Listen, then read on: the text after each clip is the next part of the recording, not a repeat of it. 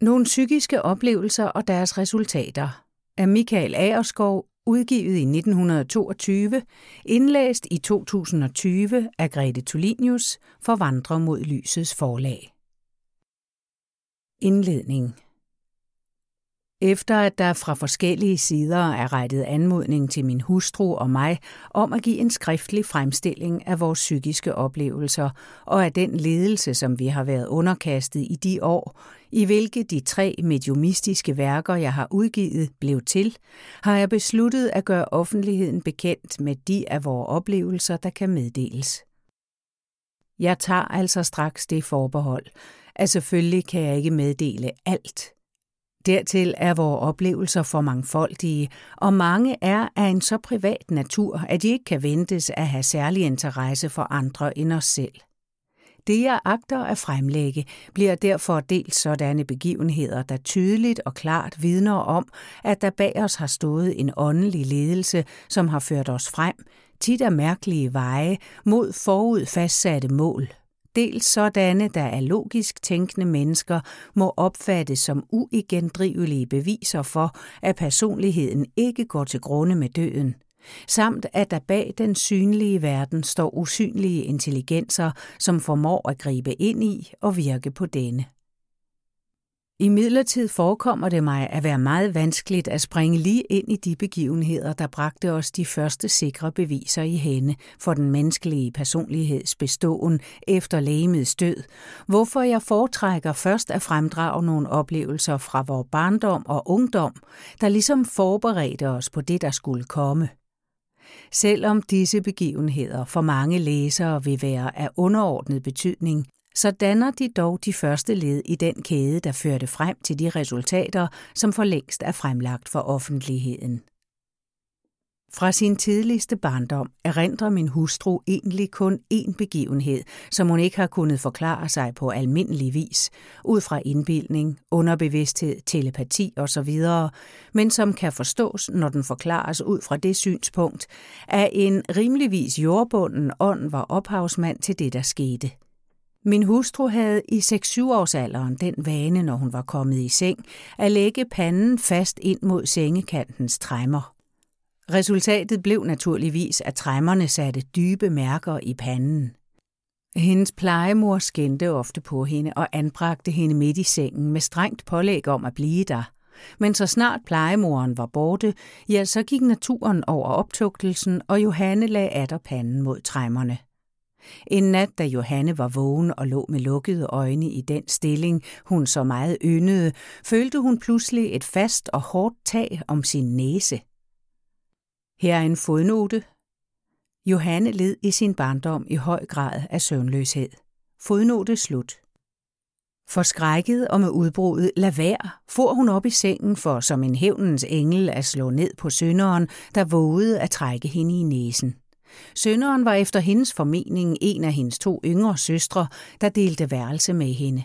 Men til hendes store forbavselse lå begge søstrene i deres respektive senge og sov sødeligt.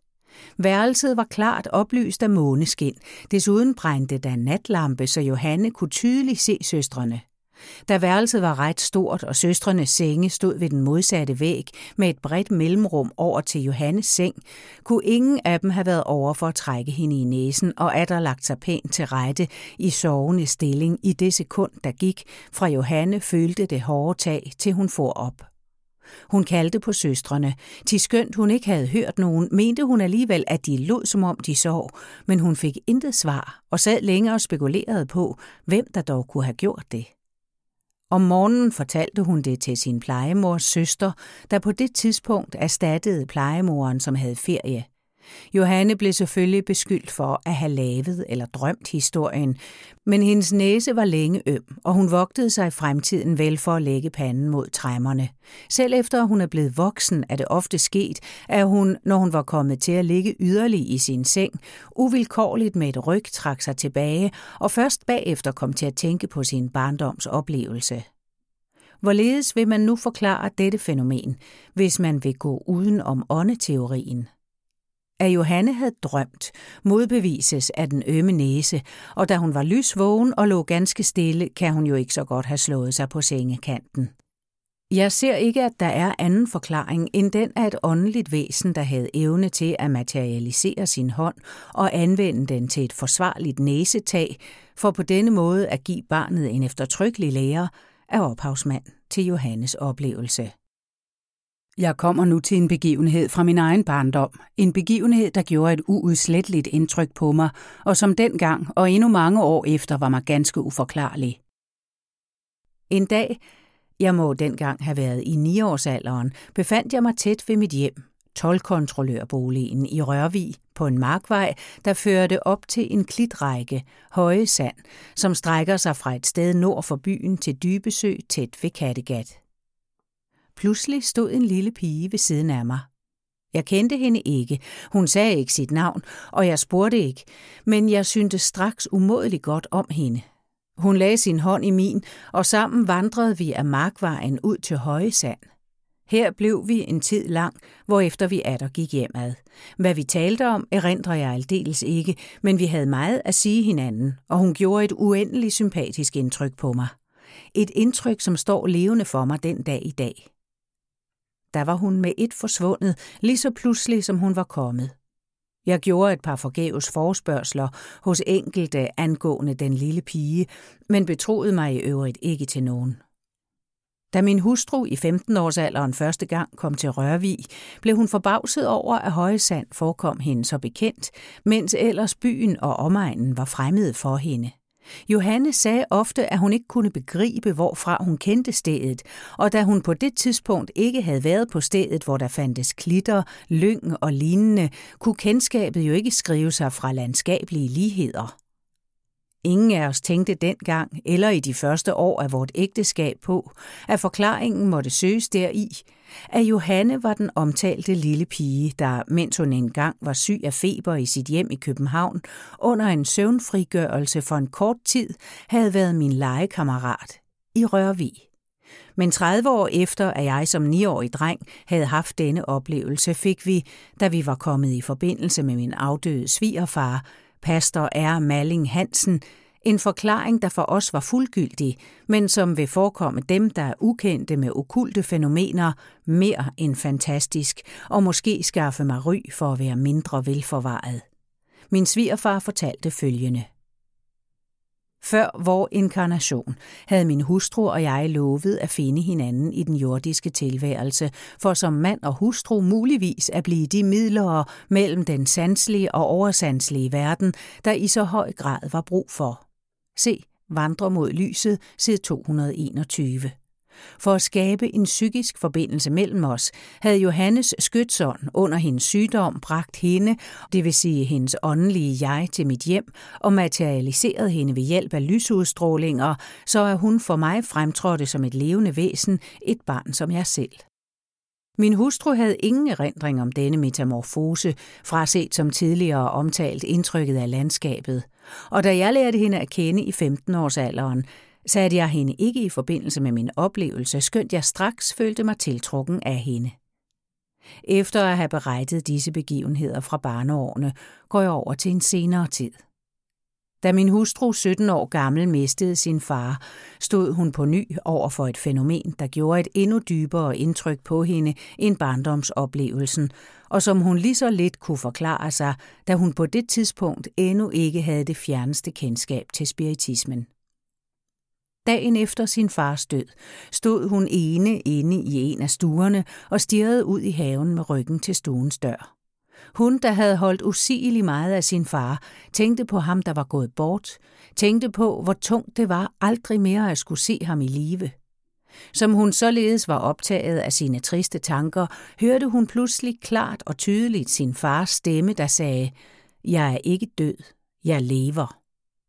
I et øjebliks følelse af glæde vendte hun sig om, i det hun var overbevist om at stå ansigt til ansigt med sin far. Men stuen var tom. Forvirret over ikke at se nogen, da hun dog ganske tydeligt havde hørt hans stemme, tænkte hun sig den mulighed, at hendes far havde været skindød. Han døde pludselig af et hjerteslag, og at han, skønt hun ikke havde hørt døren bevæge sig, dog var gået videre for at fortælle det til den øvrige familie. Men da der stadig var stillhed om hende, og hverken hendes stemor eller søstre viste sig, gik hun over i farens arbejdsværelse, hvor hans lig var lagt, i det håb at møde ham på vejen. Men der kom ingen, og da hun åbnede døren til kontoret, så hun sin fars lig ligge stille og fredeligt i samme stilling, hvor i hun sidst havde set det. Johanne var så betaget af det, hun havde oplevet, at hun ikke tog at fortælle det hverken til stemoren eller til søstrene. Først mange år efter talte hun til andre om denne oplevelse. Min hustru var allerede i en ung alder meget modtagelig for tankepåvirkning. Det hente atter og atter, at hun havde en følelse af, at en eller anden i dagens løb ville komme til hendes hjem, og når sådan pågældende kom, kunne hun udbryde til sin stemor eller søstrene, ja, det vidste jeg. Ligeledes hente det ofte, at hun, når for eksempel søstrene og hun trak lod om et eller andet, forud vidste, hvem der ville blive den heldige, og når så lodet traf den rette, Adder sagde, ja, det vidste jeg. Der var ofte blevet gjort nar af hende for dette, men en vis skyhed for den mærkelige kendskærning, at hun i forvejen vidste besked, afholdt hende fra at sige til i tide. Men selv blev hun mere og mere opmærksom på dette forhold, der naturligvis var hende ganske uforklarligt. Efter stemorens død og hjemmets opløsning boede Johanne en tid sammen med den ældre søster. Johanne og jeg var på den tid forlovede, og hun havde betroet mig en del af sine oplevelser, ligesom jeg selv var partner i nogle begivenheder, der dog kan forklares telepatisk, og da de til lige kun kan være af virkelig interesse for os selv, skal jeg ikke her komme ind på dem. Men jeg havde flere gange sagt til hende, du burde skrive ned, hvad du ved, før end det sker. En dag Johanne var beskæftiget med noget husligt arbejde, hørte hun en hende ukendt stemme, der sagde, på onsdag vil Michaels nummer komme ud med 1000 kroner. Belært af erfaringen skrev Johanne straks ordene ned på et stykke papir og lagde det i sin skrivebordsskuffe, men sagde ikke noget til sin søster eller til mig. Dette skete en mandag. Onsdag, der var lotteriets første trækningsdag, så jeg i trækningslisten, at mit nummer var kommet ud med 1000 kroner. Jeg gik straks op til Johanne for at fortælle hende nyheden.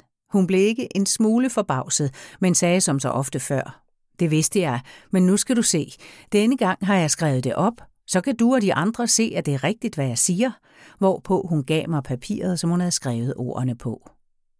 Jeg indrømmer villigt, at jeg blev meget forbavset, og uvilkårligt tænkte jeg, skønt jeg ikke havde nogen som helst grund til at tvivle om hendes ærlighed, at hun ligesom jeg havde set det i trækningslisten.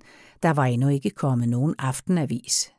Jeg spurgte derfor husassistenten, om frøkenen havde været hjemme hele formiddagen. Johannes søster var på den tid optaget af sin skolegærning. Pigen, der øjensynlig var forbløffet over dette spørgsmål, svarede straks – Ja, både frøkenen og jeg har været hjemme hele tiden. Jeg bøjede mig for kendskærningen, som jeg senere mange gange har måttet gøre det. I de første par år af vort ægteskab mindes jeg ikke at have oplevet noget særligt på det okulte område. Jeg var dengang allerede ret bevandret i spiritistisk og dermed beslægtet litteratur. Min hustru havde derimod meget lidt kendskab dertil, men dog så meget, at hun vidste, at spiritismen forklarede flere af den art oplevelser, hun havde haft, som stammende fra ånder, men nogen særlig interesse viste hun ikke derfor. Da vores lille pige i midlertid var blevet cirka to et halvt år, begyndte en række fænomener, der optog os begge meget stærkt, og hvoraf nogen her skal fremdrages. Vi lagde mærke til, at barnet under tiden gik hen til en lille broderet bænk, der stod i et hjørne, nejede, rakte hånden ud og sagde dag dag, hvorefter hun hoppede rundt af glæde, eller hun slæbte sit legetøj hen til bænken og under ivrig småsnakken rakte det frem, som om hun viste det til en eller anden. Under tiden, når hun sad og legede, for hun op og rev et eller andet stykke legetøj til sig med udråb som, det er Ingers, må ikke, en morgen, da min hustru havde sat barnet over i sin seng, mens hun klædte hende på, hørte hun hende pludselig meget ophidset råbe, i det hun pegede over mod sin egen seng. Lille pige, ikke rør Ingers legetøj. Johanne søgte at berolige barnet med den erklæring, at der ikke var nogen lille pige, men hun blev ved sit og lod sig ikke stille tilfreds, før Johanne tog legetøjet og lagde det hen til hende. Noget efter at barnet var påklædt og bragt ind i stuen ved siden af, men endnu ikke havde fået sit legetøj ind, så min hustru, at hun lukkede døren, der stod på klem helt op, og i det hun meget vredt stampede i gulvet, råbte hun, Lille pige, ikke røre Ingers legetøj. Derefter løb hun hen til sengen og slæbte af med sine sager, mens hun stadig snakkede om, at det var hendes. En dag ved middagsbordet. Jeg havde nogen tid i forvejen mistet min far, hoppede barnet pludselig ned af sin stol med det udbrud. Der er farfar, og skyndte sig ind i dagligstuen, men stansede bræt og så sig skuffet om. Vi gik begge ind til hende, og min hustru søgte at forklare hende, at farfar ikke kunne være der, da han var oppe hos vor herre. Men barnet påstod ihærdigt, at farfar sad der, og så pegede hun på sofaen. Vor lille pige havde altid været så glad for farfar, og min far havde holdt meget af hende. For os er det nu meget forståeligt, at min far virkelig var i vort hjem, da barnet så ham. Ved en anden lejlighed, da Johanne var beskæftiget i køkkenet ved komfuret, og barnet tullede rundt på gulvet, stod hun med et stille, så hen på sin mor og sagde, I har jo to morer hvorefter hun løb et par alen frem og slog armene om et for min hustru usynligt væsen, og derefter hen til sin mor, som hun omfavnede med den samme bevægelse.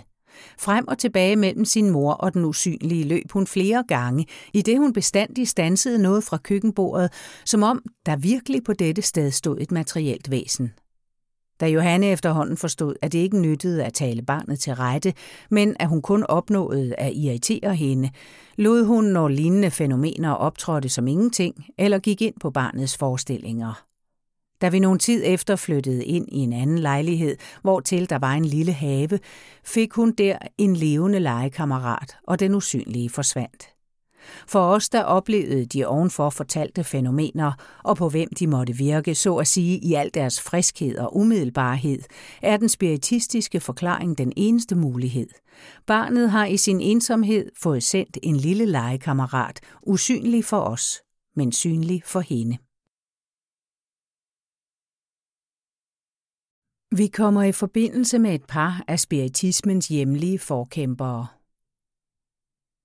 I foråret 1908 stiftede vi gennem min ældste svigerinde, fru Dankert, bekendtskab med nu afdøde kant med Sigurd Trier, der på det tidspunkt endnu med glødende iver stod midt i kampen for at værve proselytter for sagen. Fru Dankert var og havde i mange år været en utrættelig fortaler over for os, hver gang åndeteorien kom på tale imellem os. På hendes initiativ overværede vi som tilskuere nogle af Triers seancer i hendes hjem, ved hvilke seancer Trier selv var medium for en ånd, der kaldte sig Appius Claudius. Tranceseancerne virkede absolut usympatisk på os, men den forbavsende hurtighed, hvormed han skrev forskellige digte efter opgivende emner, kunne ikke andet end frappere os, særligt da digtene i mange tilfælde var af lødigt indhold, og det skønt nedskrivningen ofte kun tog få minutter, og der var livlig samtale i stuen og da Hatrier aldrig forlangte at være med i valget af emner, men tog det, der blev givet, måtte vi anerkende, at hans påstand om kun at være mellemmand for en usynlig intelligens lød højst sandsynlig. Igennem disse tilskuerseancer fik vores interesse for psykiske fænomener forøget fart, og vi var ikke helt utilbøjelige til at blive aktive seancedeltagere, hvortil vi stadig blev opfordret af fru Dankert. Men det, der navnlig bevirkede, at vi fra passive tilskuere blev aktive deltagere, var et par fænomener, hvor det første fremkom ganske spontant, altså uden nogen forberedelse eller noget ønske fra vores side. En aften, da min hustru var alene hjemme og sad og læste ved vort dagligstuebord, hvorpå der stod en lampe med messingfod, blev hun opskræmt ved at høre tre høje metalklingende slag. Lyden syntes at komme fra lampefoden lige foran hende. Det lød som om en lille metalhammer slog på foden. Slagene gav genlyd i stuen, og mellem hvert slag var et kort mellemrum. Da de tre slag var døde hen, kom et ophold, hvor efter der igen fulgte tre slag mage til de første. Mens disse lød gennem stuen, rejste Johanne sig op og så med stigende forfærdelse på lampen. Er der en pause, men da slagene så tog fat igen, sagde hun højt og i en meget bestemt tone. Hold op, jeg vil ikke høre mere. Mens hun talte, lød det andet slag, men sværere end det foregående. Og da Johanne Tav lød endnu et sidste fint lille slag som et ekko af de foregående. Derefter stillhed. Min hustru fortalte mig oplevelsen, da jeg kom hjem, men på mit spørgsmål, hvorfor hun ikke havde spurgt om, hvem eller hvad det var, måske var der en, som ville tale med os, svarede hun. Nej, det blev jeg alt for forskrækket til at kunne. Desuden vil jeg ikke have at gøre med ting, jeg ikke ved, hvad er. Men vi var begge meget optagende af, hvad dette kunne betyde.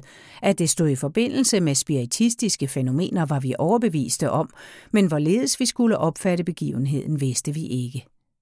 Et par dage efter, da jeg sad og spekulerede på, hvorledes sagen vel kunne hænge sammen, fik jeg den idé i tankerne at spørge mig for. Jeg tænkte da følgende. Hvis der er en åndelig intelligens til stede, så beder jeg om at få en streng i klaveret anslået. Der kom ikke en lyd. Jeg ventede nogle minutter på svar, men der kom intet. Så gav jeg mig i lag med mit arbejde. Et øjeblik efter kom Johanne ind og satte sig i en lænestol ved klaveret, og et par sekunder efter rungede en klirrende eller klingende lyd gennem stuen. Johanne for op med det udråb. Der sprang en streng i klaveret, således lød det for os begge. Jeg gik straks hen og spillede alle tonerne igennem. Alle var lige klangfulde. Der var ikke sprunget nogen streng. Så fortalte jeg om mit kort i forvejen udtalte ønske. Svaret var altså kommet, men først da Johanne befandt sig i nærheden af klaveret. Vi blev hurtigt enige om, at nogen eller noget måtte have fremkaldt lyden, men hvem og hvorledes. Da fru Dankert en dag kort efter kom på besøg, fortalte vi hende vores oplevelser, og hun mente bestemt, at der var blevet kaldt på os, af en eller anden fra det hinsidige ønskede forbindelse med os. Hun, der var en del klaverjant, sagde, at hun kunne se en mængde ånder fra Sigurd Triers kreds. Jeg burde straks gøre et forsøg og prøve, om jeg ikke gennem deres påvirkning kunne skrive digte lige så vel som Trier. Efter nogen parlamenteren fik jeg fat i papir og blyant. Fru Dankert opgav et emne, min hustru så på uret, jeg havde lagt foran mig, og i løbet af nogle få minutter havde jeg uden rettelser nedskrevet et digt i ånden, Arpius Claudius' stil. Vi prøvede på ny, og før en time var forløbet, var der nedskrevet otte digte. Efter dette første forsøg fulgte snart flere, og vi blev så interesserede, at vi blev enige om at danne en seancekreds. Da min søster, fru Lindahl og hendes mand ligeledes var meget optaget af det skete, kom kredsens medlemmer til at bestå af herr og fru Dankert, herr og fru Lindahl, min hustru og jeg. I den påfølgende tid var fru Dankert og jeg kredsens medier. Talrige digte, der sagde sig at stamme fra de mest forskellige åndelige intelligenser, fremkom ved vores seancer. Fru Dankert beskrev ånderne og opgav deres navne. Flere af digtene mindede i høj grad i form og udtryksmåde om de digte, der var fremkommet i Triers kreds, og som var undertegnet med de samme navne.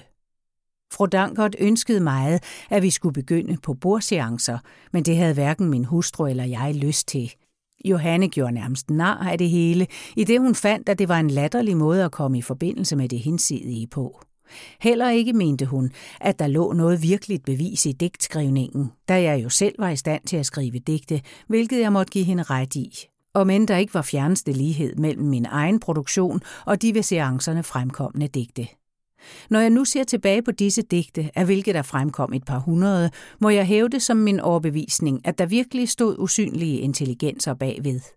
Den rivende hast, hvormed de fremstod, det at emnerne blev opgivende, og nedskrivningen straks påbegyndtes, og uden nogen planlægning fra min side, at den fortsattes uafbrudt, og så at sige uden rettelser, at der meget ofte var livlig konversation i stuen, uden at det virkede forstyrrende, og endelig og ikke mindst, at jeg under nedskrivningen kunne rent ud overvældes af de mest forskellige følelser. Alt dette er for mig et bevis for, at jeg i alt fald ikke er enepart i sagen. Hvor mange procent der må tillægges de usynlige, og hvor mange mig selv, er det selvfølgelig ugørligt at udrede. Af denne produktion er der bag i bogen i tillægget anført nogle forskellige artede prøver. I eftersommeren 1909 lærte vi, ligeledes gennem fru Dankert, Triers efterfølger som redaktør af spiritistorganet Sandhedssøgeren, Christian Lyngs at kende. Min svigerinde havde ført os sammen i det håb, at vi ville overvære en bordseance, der blev ledet af redaktør Lyngs.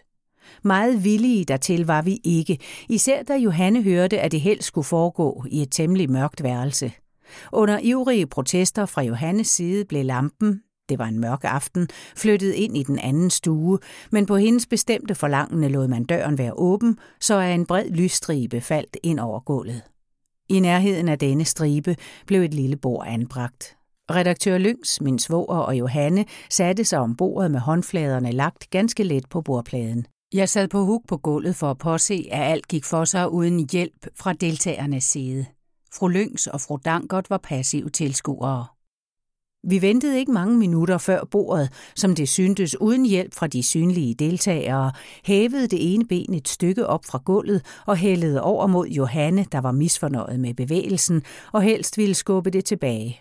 Men herr Lyngs forklarede, at det måtte hun ikke, sagde, at jo større ro hun udviste, des bedre ville forbindelsen blive. Herr Lyngs forspørgsel til den usynlige om, hvem vedkommende var, blev besvaret med, at det var hans åndelige leder i. På en række spørgsmål fra herr der blev besvaret med, at herr nævnede alfabetet og bordet slog mod gulvet med det frie ben, når det bogstav kom, som den åndelige intelligens havde brug for, samt ved ja- og nej-bankninger, blev det efterhånden meddelt, at Johanne var medium, og at intelligenser fra den anden side ønskede, at hun skulle sætte sig i forbindelse med dem. Min hustru var ikke rigtig glad over dette budskab, men herr sagde meget alvorligt, at hun ikke burde undlade at rette sig derefter. Skønt herr Lyngs og mine veje nogle år senere skiltes på grund af divergerende meninger, skylder min hustru og jeg ham tak, fordi han var den, der virkelig bragte os i forbindelse med dem, der så ivrigt søgte vor hjælp, for at det arbejde, der var planlagt før vor inkarnation, kunne tage sin begyndelse af ovenstående meddelelse om, at min afdøde mand ved en bordseance, som i eftersommeren 1909 blev afholdt i fru Dankerts hjem, bragte fru Aerskov det budskab, at åndelige intelligenser ønskede at sætte sig i forbindelse med hende, er i overensstemmelse med sandheden, bekræfter jeg herved. 22.3.1922, Christiane Lyngs. At ovenstående beretning er fortalt i overensstemmelse med sandheden bekræftes, 30. i 3. 1922, M. Dankert. Inden jeg går videre, vil jeg med et par ord forklare, hvad der egentlig foregår ved en bordseance, for muligvis at aflive den tåbelige overtro, som så mange fremsætter i deres uvidenhed om de faktiske forhold, nemlig den, at ånden sidder i bordbenet. Den ånd, der ønsker at manifestere sig, opholder sig i nærheden af bordet, og ved hjælp af seancedeltagernes usynlige udstrålinger og i kraft af sin vilje, hæver han bordbenet fra gulvet, på lignende måde som vi her på jorden ved hjælp af dampkraft eller elektricitet kan sætte et hjul i bevægelse eller løfte genstande fra underlaget. Der er ikke nogen hokus pokus ved denne handling. Den er lige til og let at udføre for alle åndelige intelligenser, hvad enten disse tilhører lysets eller mørkets magter. De fundne papirer efter at vi som ovenfor meddelt havde modtaget det budskab gennem redaktør Lyngs åndelige leder, at væsener fra den usynlige verden ønskede at sætte sig i forbindelse med os, besluttede vi at forsøge på at opnå en sådan forbindelse ved en almindelig bordseance på den måde, som redaktør Lyngs havde anvist det. Da vi en dag var i min søsters frutandlæge Lindals hjem, blev vi enige om at gøre forsøget. Vi satte os om et lille bord med hænderne lagt let på bordpladen. Vi sad længe og ventede, meget længe, mere end en halv time, men bordet rørte sig ikke af stedet. Jeg ikke engang den ringeste bevægelse eller sidron var af spore. På grund af træthed tog vi en pause, hvorefter vi atter fortsatte med samme negative resultat, indtil vi blev enige om at holde op og enige om, at bordseancer var noget slemt humbug. Efter denne mislykkede begyndelse havde vi ikke stor lyst til at fortsætte, men et par dage efter kom min søster hen til os for at sige, at da det var Johanne og mig, der havde modtaget opfordring til at sætte os i forbindelse med det hinsidige, var det måske meningen, at seancen skulle holdes i vort hjem. Dette lød jo ganske plausibelt, og vi fik fat i et lille trebenet bord og anbragte os om det. Vi havde knap siddet et par minutter, før bordet med et lille ryg hævede det ene ben fra gulvet og hældede over mod Johanne. Bevægelsen kom så pludselig og uventet, at vi alle tre hurtigt tog hænderne til os, så på hver andre og samtidig udbrød, var det dig? Hver enkelt var klar over ikke at have været den skyldige årsag til bordets bevægelse, men antog i øjeblikkets overraskelse, at det måtte være en af de andre. Vi gentog så forsøget, da hver især forsikrede om sin uskyldighed. For øvrigt kunne heller ingen af os have rykket i bordet, da seancen holdtes ved dagslys, og vores hænder, som før sagt, lå ganske let på bordpladen. Ved næste forsøg bevægede bordet sig omtrent straks, og da jeg spurgte, om der var en åndelig intelligens til stede, blev der givet tre kraftige slag med det bordben, der var hævet i vejret, i det bordet tre gange faldt ned mod gulvet og atter hævede sig. Jeg bad nu den usynlige gæst bogstavere os sit navn ved at lade bordbenet banke mod gulvet, når jeg ved opremsning af alfabetet nævnede de bogstaver, der var brug for til at sammenstille navnet. På denne måde fik vi ret hurtigt frembogstaveret navnet på en yngre mand, herr N.N., der på det tidspunkt havde været død i flere år, og til hvem min hustru og jeg kun havde et ringe kendskab, og min søster intet. Navnet forbavsede os i høj grad, da vi alle tre tilstedeværende havde afdøde slægtninge, hvis manifestation havde stået for os som en mulighed, hvorimod vi ikke havde tænkt på ham, der meldte sig. På vores forspørgsel, om han havde noget særligt at sige os, gav han denne mærkelige sætning. Lak et papir. Vi grundede over meningen og bad om nøjere besked, men fik ingen. Bordet rørte sig ikke det bitterste.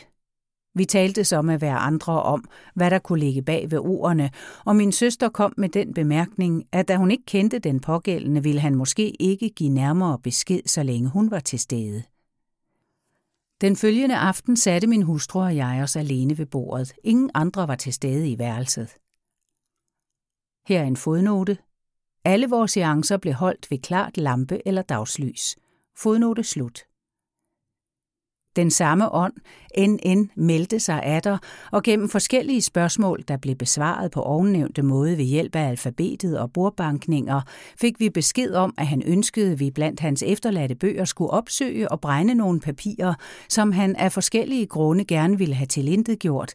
Lige siden sin død havde han uafbrudt tænkt på disse papirer, som han ønskede ikke skulle falde i uvedkommendes hænder. Samtalen var overordentlig besværlig, da han var meget forvirret i sine svar og flere gange gav modstridende besked om, hvor bøgerne fandtes. Da vi efter en uges aftenlige samtaler med NN kun havde fået at vide, at de papirer, der skulle brændes, fandtes i et blåt kollegiehæfte, uden på hvilket der stod skrevet aritmetik, samt en videre en meddelelse om hæftets indhold, men kun ubestemte angivelser af, hvor hans bøger befandt sig, og da Johanne allerede en gang var gået forgæves, i det de ikke fandtes på det angivende sted, var vi lige ved at tabe tålmodigheden og opgive det hele. Der kom Johanne i tanker om, at hendes afdøde far havde kendt denne NN, der manifesterede sig hos os, og hun tænkte sig da den mulighed, at han måske stod bag ved manifestationerne, og at vi ved at henvende os til ham muligvis kunne få sagen ordnet på tilfredsstillende måde. Vi spurgte da NN, om Johannes far var der eller kunne komme til stede, og svaret lød, han er her. Øjeblikkeligt mærkede vi en stor forandring i bordets bevægelser. Hurtigt og klart, næsten inden vi havde nået at stille vores spørgsmål, blev der svaret med faste, stærke slag. Den ånd, der nu tog kontrol over bordet, gav ved hjælp af alfabetet og bankninger sit navn, talte overordentligt hjerteligt og bevæget, særligt til min hustru, og således at hun straks genkendte sin far i de ord, han frembogstaverede, og den måde, han formede sine sætninger på. Han sluttede med at sige, i er inde på den rette vej. Gud er med eder. Derefter gav han os en kort og klar besked om, hvor NN's efterladte bøger fandtes. Samtidig meddelte han, at der for uden det omtalte kollegiehæfte aritmetik skulle findes et halvt ark, der lå løst inde i en af bøgerne. NN huskede ikke længere i hvilken bog. Min svigerfar bad os derfor eftersøge alle bøgerne, til det var fundet. Men da den dame, der dengang var os behjælpelig med at finde de ønskede papirer ved vores henvendelse til hende om at verificere vores beretning, nu absolut nægter at have noget som helst kendskab til det blå kollegiehæfte mærket aritmetik, samt til det løse halvark, kan vi ikke uddybe sagen. Hun husker derimod en biomstændighed, nemlig den, at hun havde bragt os en lille notesbog i den tro, at den var den eftersøgte bog. Vi gjorde hende dengang opmærksom på, at notesbogens indhold ikke svarede til det, der var opgivet os af herr N.N. I sit brev angående denne sag skriver hun, Den første bog, jeg fik fat på, var en lille notesbog, måske nok blå. Den var imidlertid lyserød og ikke noget kollegiehæfte. Grunden til, at vedkommende har erindret notesbogen, men har glemt det øvrige, ligger antagelig deri, at NN til os havde brugt udtrykket min egen bog om det blå kollegiehæfte som en modsætning til de trygte bøger. Man kan selvfølgelig også kalde notesbogen hans egen, men det var altså ikke den, det drejede sig om. Min hustrus og min fremstilling af sagen blev bestemt forkastet. Hun erindrede intet om de to hovedfakta. Men i det sidste brev til os skrev hun blandt andet. Selvom den fremstilling af sagen var absolut korrekt, havde jeg alligevel ikke skrevet under. Jeg må altså respektere vedkommendes ønske, ikke at få sit navn offentliggjort, hvorfor jeg således må undlade at give udførlig besked om, hvorledes sagen videre udviklede sig. Kun kan jeg sige, at papirerne blev fundet og blev brændt. Men jeg må tilføje, at min hustru og jeg straks efter, at papirerne var fundet, fortalte begivenheden til nogle af vores slægtninge, og for dem omtalte både kollegiehæftet og det løse papir, uden dog at meddele, hvor i indholdet bestod. Ligeledes har vi senere ofte fortalt denne begivenhed og altid fremhævet de to hovedpunkter. Sagen stiller sig derefter således, Enten har min hustru og jeg fra første færd i vort første referat af det, der skete, forvansket de sande fakta, eller den pågældende dame har glemt det væsentlige og hæftet sig ved det uvæsentlige. Her står påstand mod påstand. Skønt den her refererede begivenhed i sin ufuldstændige skikkelse ikke kan være beviskraftig over for læseren, har jeg alligevel taget den med, da den danner grundlaget for vor vidshed om, at åndelige intelligenser er i stand til at sætte sig i forbindelse med mennesker. Bordseancer, fotografering og clairaudience havde vi tidligere stået vaklende over for, hvorledes vi skulle forklare os de fænomener, vi havde oplevet, så var vi nu fuldkommen overbeviste om, at bag det, der skete, måtte der stå åndelige intelligenser. Heller ikke var vi i tvivl om, at min hustrus far havde manifesteret sig for os, men vi forstod til lige, at han ikke havde søgt vor hjælp alene for at finde de papirer, der skulle tilintetgøres. Der måtte være andre grunde. Vi spurgte, men fik kun til svar, at der var meget, hvortil vi kunne yde vores hjælp. Det ville alt sammen komme efterhånden, når vi blot ville have tillid til ham og stole på, at Gud var vores øverste leder. Vi skulle huske på, at han altid ville støtte os under vor gerning. Vores seancer fik nu en noget anden karakter. Vi vedblev vel med min digtskrivning, men kunne nu også gennem bordbankning få svar på vores forspørgseler. Foruden kredsseancerne havde Johanne og jeg efter min svigerfars opfordring vores egne private seancer, til hvilke han og andre højtstående åndelige intelligenser bragte mange af de såkaldte jordbundne ånder menneskeånder, som mens de var iklædte det jordiske lame på forskellige måder havde forsyndet sig mod de guddommelige og de menneskelige love, og som efter døden følte sig bundne af deres syndsbevidsthed og derfor ikke evnede at vende tilbage til deres respektive hjem i sfærerne. Se, Vandre mod lyset, side 188. Disse væsener søgte vi at tale til rette, søgte at få dem til over for os og derefter over for Gud at erkende, hvad de havde syndet. For mangens vedkommende galt det blot om at gøre dem forståeligt, at deres jordiske lamer var døde. I deres indbildning levede de nemlig endnu under de for dem kendte jordiske forhold. Så snart de havde forstået, at det kødelige lame var borte, men at deres åndelige jeg havde overlevet døden, kunne de høje ånder føre dem til deres hjem til fred og hvile.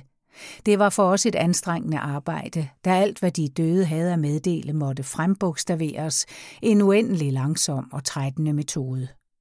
Da et par af vores kredses deltagere ønskede, at vi skulle prøve, om vi kunne opnå resultater ved åndefotografering, spurgte vi min svigerfar, om det var noget, vi burde indlade os på. Han svarede, at vi kunne jo forsøge, men han var ikke sikker på, at nogen af deltagerne var i besiddelse af de specielle udstrålinger, der var nødvendige til dette formål. Hvis vi ville rette os efter hans anvisninger, var der en mulighed for, at vi kunne få et resultat, men han lovede det ikke. Hans anordning gik ud på følgende. Vi skulle beklæde vores stues endevæg med sort tøj, Derefter nogle alen fra endevæggen trække et irgrønt gennemsigtigt flor tværs over stuen, således at ingen af os befandt sig mellem floret og endevæggen. Til venstre i det rum, der fremkom ved dette arrangement, stod min hustrus skrivebord. På dette skulle vor lampe, en petroleumslampe med rød skærm, anbringes, og uden for det grønne flor en lampe med gul skærm. Begge lamper selvfølgelig så langt fra floret, at der ikke kunne gå ild i det. Pladerne skulle fremkaldes i et mørkekammer, der i modsætning til det almindeligt benyttede røde lys skulle oplyses af en lampe, der gav grønt lys. Derefter fik vi opskriften på et bad, hvor i pladerne skulle ligge i 10 minutter. Sammensætningen var således. 8 dråber fosforsyre, 3 dråber svovlsyre, en strøget teske fuld køkkensalt, en pæl vinånd, Først skulle pladerne i almindelig bad, derefter i det, hvis opskrift er givet ovenfor, og så i fixerbad. De fotograferingskyndige deltagere gjorde indvendinger mod denne fremgangsmåde, i det de sagde, at det grønne lys ville ødelægge fremkaldelsen, ligesom de ikke havde nogen tillid til ingredienserne, som væsken var sammensat af. Nå, vi våvede alligevel forsøget, og til vores store forbavselse skete intet uheld på grund af de grønne lysstråler. Tværtimod forekom det os alle, at væsken og det grønne lys ligesom gjorde de fremkaldte billeder skarpere i konturerne, men åndebilleder var der ingen af. Vi prøvede om og om igen, stadig det samme negative resultat. En gang forekom det os alle, at der på en af pladerne var en ganske svag antydning af min svigerfars ansigt, men ved et uheld blev denne plade ødelagt, så vi fik intet aftryk af den. Inden vi holdt op med disse forsøg, havde vi dog et mærkeligt tilfælde. På alle pladerne stod en klar gengivelse af Johannes skrivebord, af lampen og alle de mange småting. Men på en eneste plade, der blev taget sammen med fem andre, Kassetten rummede seks plader, var der kun en gengivelse af et fotografi. Min svigermors, der stod på skrivebordets hylde. Alt andet var forsvundet. Skrivebord, lampe og så videre. Denne plade har vi opbevaret som et kuriosum. Fotograferingen førte altså ikke til det ønskede resultat. Måske har vi ikke udvist tilstrækkelig tålmodighed, eller ingen af de tilstedeværende har været i besiddelse af de udstrålinger, som efter min svigerfars udsagn krævedes dertil. Efter at vi nogen tid havde holdt bordseancer på almindelig vis, lagde Johanne mærke til, at hun af og til, når en af vores usynlige gæster langsomt og besværligt frembogstaverede en sætning, længe i forvejen vidste, hvad den gik ud på. Hun forsøgte at sætte sig et godt stykke fra bordet, mens en anden tog hendes plads, men det samme gentog sig. En aften i foråret 1910 ved en af vores private seancer talte vi ved bordbankning med en afdød slægtning, som Johanne havde holdt meget af. Hun fortalte om sit hjem i sfærerne, og Johanne mærkede den aften endnu tydeligere, at hun vidste, hvad der ville komme. Pludselig sagde den ånd, der manifesterede sig, sig det dog, du hører jo, hvad jeg siger. I øjeblikket blev Johanne noget betaget af situationen, men gentog derefter hurtigt de ord, der blev sagt. En hver kan tænke sig, hvilken glæde det var både for min hustru og for mig. Hurtigt og let blev samtalen ført til ende. Men fra den aften skete vores samtaler med den usynlige verdens beboere ved Johannes klæraudience. Bordet benyttede vi kun til ved ja- og nej-bankninger at få konstateret, om Johanne havde hørt rigtigt og korrekt gengivet det hørte. Dette blev af uvurderlig hjælp ved vores seancer med de jordbundne ånder, der nu direkte kunne gøre rede for det, der nagede dem. Forudsigelsen af min svogers sygdom i efteråret 1910 besluttede min søster, fru Lindahl, af hensyn til sit svagelige barn, for en tid at slå sig ned i en provinsby, mens hendes mand fortsatte forretningen herinde. En seanceaften i oktober måned, min svoger var da i udlandet, kom nogle afdøde slægtninge med en instændig anmodning til min søster om at opgive denne plan, da den ville blive til skade både for hende og hendes mand. Min søster følte sig meget pinligt berørt ved denne henvendelse, da der til synlædende kun kunne vindes og ikke tabes ved en sådan forløbig ordning. Og hun protesterede bestemt mod at opgive sin beslutning, medmindre hun kunne få klar besked om, hvorfor hun hellere måtte opgive den. Der blev da meddelt hende, at hendes mand i en nær fremtid pludselig ville blive syg. Min svoger fejlede ikke noget ved dette tidspunkt. Sygdommen ville blive meget alvorlig, samt at liv og død afhang af hendes tilstedeværelse. Dette gjorde et meget nedslående indtryk på os alle, og vi spurgte om, når det ville ske, og bad om, at meddeleren ville skrive det med Johannes hånd, for at vi kunne have et synligt bevis for tidspunktet for sygdommens indtræden. Her er en fodnote. Johanne havde også forsøgt at skrive automatisk. Der kom dog ikke noget særligt ud heraf, da det gik for langsomt for hende. Fodnote slut. Meddeleren skrev der langsomt og tydeligt med min hustrus hånd. Tre måneder er tiden. Sygdommens art blev ikke meddelt. Vi gættede imidlertid på en blindtarmsbetændelse, hvor liv og død jo ofte er afhængig af, om patienten rettidigt bliver opereret. Min søster var selvfølgelig meget betaget af det hele, og meget ked af at måtte ændre sine dispositioner, men hun vågede dog ikke at holde fast ved den omtalte plan. Da hendes mand kom hjem fra sin rejse, fortalte hun ham om den givende advarsel og viste ham papiret med skriften. Han slog det hele hen. Han var jo rask nok og ventede ikke at blive syg, men min søster blev altså i sit hjem. Præcis tre måneder efter, i begyndelsen af januar 1911, blev min svoger angrebet af angina med efterfølgende nyreblødninger. Og det, at min søster var til stede i hjemmet og kunne give ham den rette pleje, må vi, når hensyn tages til den kraftige advarsel, der var gået forud, formodet har reddet hans liv. Da min svoger jo ikke troede på forudsigelsen, og da han blev syg af en infektionssygdom, kan nervøsitet ikke spille nogen rolle her.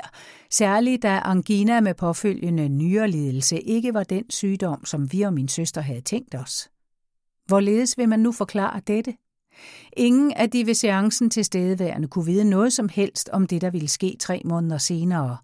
Må ikke et hvert tænkende menneske opfatte ovenstående således, af en af vores slægtninge, en høj lysets ånd, vidste besked om den kommende sygdoms alvorlige karakter, samt at han havde tilladelse til ved sin advarsel at hindre en katastrofe, der ellers ville være indtrådt.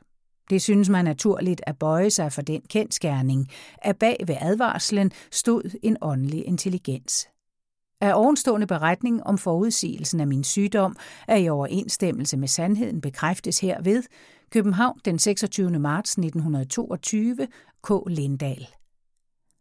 Af ovenstående beretning om forudsigelsen af min mands sygdom er i overensstemmelse med sandheden bekræftes herved København den 26. marts 1922 Anna Lindahl. Budskabet den 6. december 1910 havde vi ved en af vores seanceaftener en forunderlig oplevelse, der greb os alle dybt. Jeg var den aften medium for ånden Appius Claudius, og mens jeg var i færd med nedskrivningen af et digt, gjorde den åndelige meddeler en kort pause, hvor efter følgende sætning lynsnart formede sig i mine tanker. Appius tiger, den høje som står her, tavshed mig byder. Uden egentlig at tænke derover, skrev jeg det ned som en fortsættelse af det endnu ufuldendte digt. Men samtidig med, at jeg skrev, sagde Johanne pludselig, der kaldes på mig, og i det, jeg havde fuldendt sætningen, viste jeg kredsens deltagere det skrevne, og vi forstod alle, at det ikke var en ganske almindelig eller tilfældig afbrydelse, men at et eller andet højtstående væsen var kommet til stede, at han havde afbrudt ånden Appius Claudius i hans digt og samtidig kaldt på min hustru. Johanne satte sig med et par deltagere ved det lille bord, for som sædvanligt gennem nej- og ja-bankninger at få kontrolleret, om hun gengav det, der meddeltes hende på rette måde. Da ingen af os havde været forberedt på dette uventede besøg af en for os fremmed ånd, var der ingen af de tilstedeværende, der tænkte på at nedskrive de ord, der lød til os.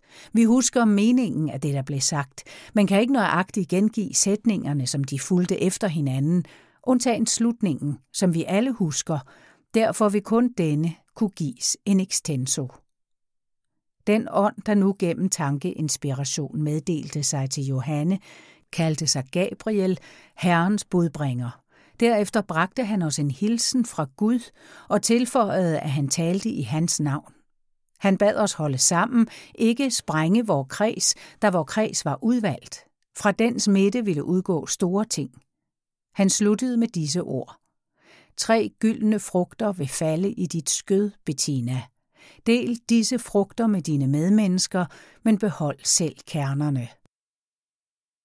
Her er to fodnoter. Den første. Med dette navn, Bettina, kaldte vor åndelige forbindelser min hustru. Og nummer to. Se Forsoningslæren og genvejen, side 46. Fodnoter slut. Derefter tog han afsked, og der blev dyb tavshed efter hans ord. Af ovenstående beretning er i overensstemmelse med, hvad der skete ved nævnte sammenkomst, bekræftes herved. København den 26. marts 1922. M. Dankert, K. Lindahl, Anna Lindahl. På dette tidspunkt herskede der ikke fuld enighed i vores lille kreds.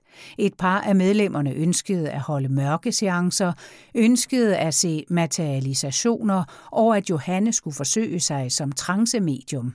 Johanne havde bestandig stillet sig afvisende over for disse forslag, i det hun rent intuitivt havde en vis afsky for den art manifestationer. Men da hun bestandig blev opfordret til at gøre disse forsøg, henvendte hun sig engang ved en af vores private seancer til sin far og bad ham sige os sin mening derom. Han svarede, at hun aldrig burde indlade sig derpå, fordi, som han sagde, alt den slags blev kontrolleret af mørkets magter – at mediet ved at falde i trance opgav sin egen personlighed til fordel for en mørkets ånd, og at et medium, der indlod sig på trance, kunne risikere langvarige og underartede besættelser, der ville gøre den pågældende ganske uskikket som midler for lysets magter. Efter denne samtale med sin far holdt Johanne endnu stærkere fast ved ikke at indlade sig på noget som helst af de ovenfor omtalte forsøg. De ord, som Herrens budbringer talte til os den aften, var således en opfordring til os alle om at holde sammen og ikke sprænge vor kreds på grund af divergerende anskuelser og ønsker. At hans ord til lige var en forudsigelse om det arbejde, der ventede os, og hvis synlige resultater blev de tre af mig offentliggjorte værker, se Forsoningslæren og Genvejen side 46, ved vi nu. Dengang forstod vi ikke meningen. Inkarnationsberetninger Ved en kredsseance i slutningen af november 1910 meldte der sig en ånd, som kaldte sig Fatis. Han fortalte, at han godt 5.000 år før Kristus havde levet i Ægypten som kongesøn, og endvidere, at to af de tilstedeværende deltagere på det tidspunkt var blevet inkarneret henholdsvis som hans søn og hans datter. Han henvendte sig derefter direkte til disse to mennesker, fortalte, at han i høj grad havde forsyndet sig imod dem, og at han endnu ikke havde opnået deres tilgivelse for disse forsyndelser. Han havde nu fået tilladelse til, gennem en beretning om det, der skete i disse længst forsvundne tider, at forsøge på at opnå den ønskede tilgivelse. I et meget smukt og malende sprog talte han om sit og deres liv i landet ved Nilens bredder. I gribende ord om tilgivelse sluttede han sin beretning. Ingen tænkte ved denne lejlighed på at nedskrive det, der blev meddelt. Ingen var jo forberedt på hans komme, men da vi alle var meget betagende af den skønt formede beretning, spurgte vi ham, om han var i stand til at gentage den, så vi kunne nedskrive den. Han lovede at opfylde vort ønske, men bad os for Johannes skyld, da hun var træt af sætning for sætning at gentage hans tale, at opsætte nedskrivningen til næste sammenkomst og Fatis holdt sit løfte. Næste seanceaften lød atter de skønne malende ord til os, og et par af deltagerne nedskrev så hurtigt de formåede hele beretningen, der så vidt vi kunne skønne, var en nøje gentagelse af hans første tale. Denne inkarnationsberetning findes trygt i Sandhedssøgeren i januar hæftet 1911. Ved næste sammenkomst meldte der sig en fremmed ånd, som kaldte sig Karu, han havde været Fatis' bror, da denne var inkarneret i Ægypten, og Karo havde dengang været farao. Han sagde, at han ville fortælle en begivenhed fra et længst forsvundet kulturrige, hvor han, Fatis og de to tidligere omtalte seancedeltagere samtidig havde været inkarneret. Dette kulturrige var forløber for det senere egyptiske rige. Se Vandre mod lyset side 182.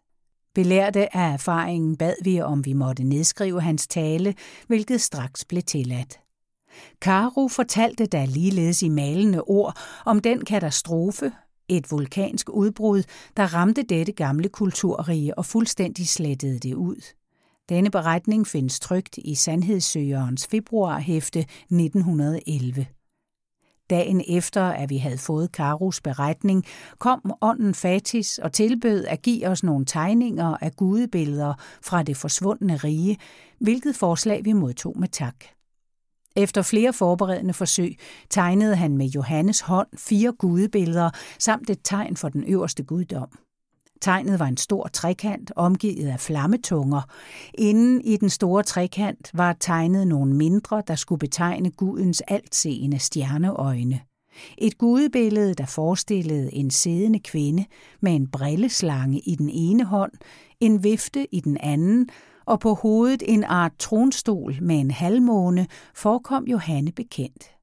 De øvrige var hende derimod ganske fremmede. De syntes alle alene egyptiske figurer, men stregen var ikke fuldt så stiv som i de egyptiske. På grund af Johannes sygdom fik vi først de egentlige tegninger noget efter, at de forberedende øvelser var gået for sig. Disse billeder findes ligeledes gengivet i Sandhedssøgerens februarhæfte 1911, sammen med en forklaring over deres tilblivelsesmåde. Vi har vist dem til mange mennesker, men endnu er det ikke lykkedes os at få opklaret, om figurer eller billeder svarende til disse skulle være fundne. Måske de først findes engang i fremtiden. En herre af vort bekendtskab mente ganske bestemt at have set i hvert tilfælde en af dem, en figur, halv løve, halv menneske, på hvis hovedtøj fandtes et større og et mindre ildsbyende krater, mens en flammetunge står ud af hans skab. Men som en modsætning til denne herres påstand står dette. Min hustru havde i foråret 1916 besøg af en norsk dame, egyptolog, og hun forsikrede aldrig at have set gengivelser af tegninger eller figurer med til disse, men hun mente, at de godt kunne tænkes som forbilleder eller forløbere for egyptisk kunst. Antagelig vil fremtiden på en eller anden måde kaste klarhed over dette spørgsmål. Ved vores kredsseance en af de sidste dage i december 1910 talte en ånd under navnet Muribat til os. Han var en af deltagerne skytsånd, hvilket var blevet os meddelt ved en tidligere seance. Han henvendte sig direkte til en af kredsens mandlige medlemmer, sagde, at de to, cirka 1000 år før Kristus, havde mødt hinanden i Nordindien, og at han siden da forgæves havde søgt at opnå tilgivelse for, hvad han dengang havde forbrudt imod ham. Han ville nu give en beskrivelse af det, der dengang skete. Han kom med den højestes tilladelse for at forsøge på denne måde at opnå den ønskede tilgivelse. Vi spurgte også ham, om vi måtte nedskrive hans ord. Vi mærkede straks, at spørgsmålet gjorde et pinligt indtryk på ham, og svaret kom langsomt og tøvende. Han sagde, at for ham var det en så alvorlig stund, at han ikke kunne tænke sig, at hans ord skulle nedskrives nu, mens han talte. Men hvis han opnåede sin hensigt, ville han forsøge at gentage sin beretning ved en senere seance. Muribats beretning gjorde om muligt et endnu dybere indtryk på de tilstedeværende.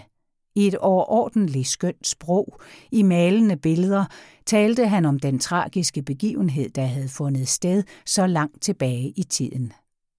Den deltager, som Muribat henvendte sig til, erindrede selvfølgelig intet om denne begivenhed, men da han ingen vrede følte mod den talende, mente han, at det måtte være bevis på, at han i virkeligheden havde tilgivet eller ville kunne tilgive, når de mødtes i det hinsidige.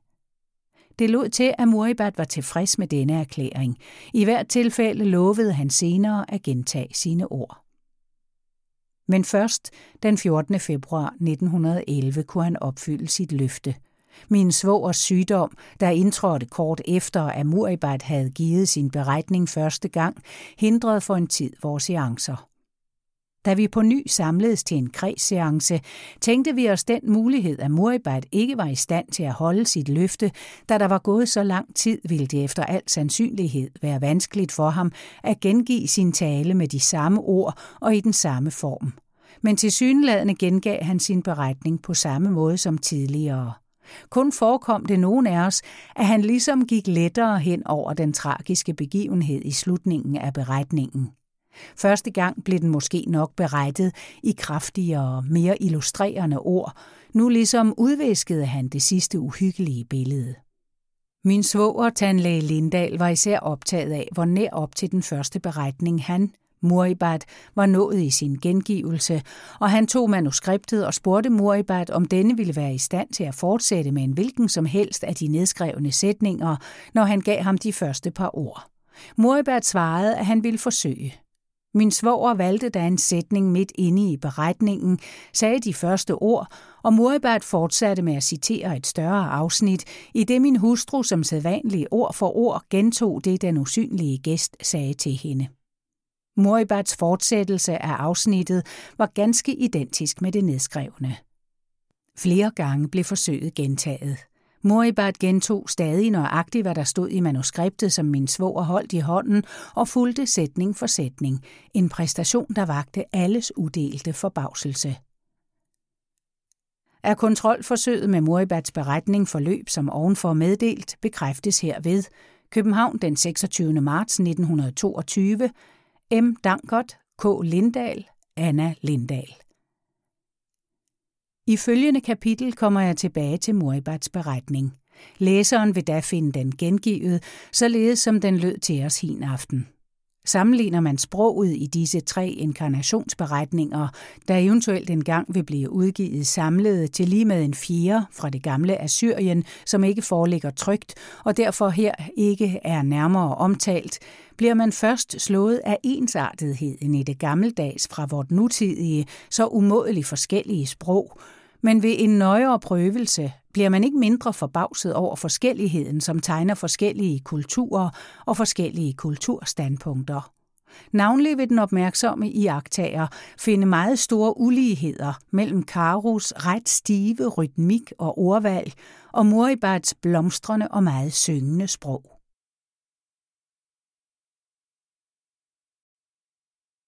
Den indiske inkarnationsberetning en olindisk tempelscene Her er en fodnote.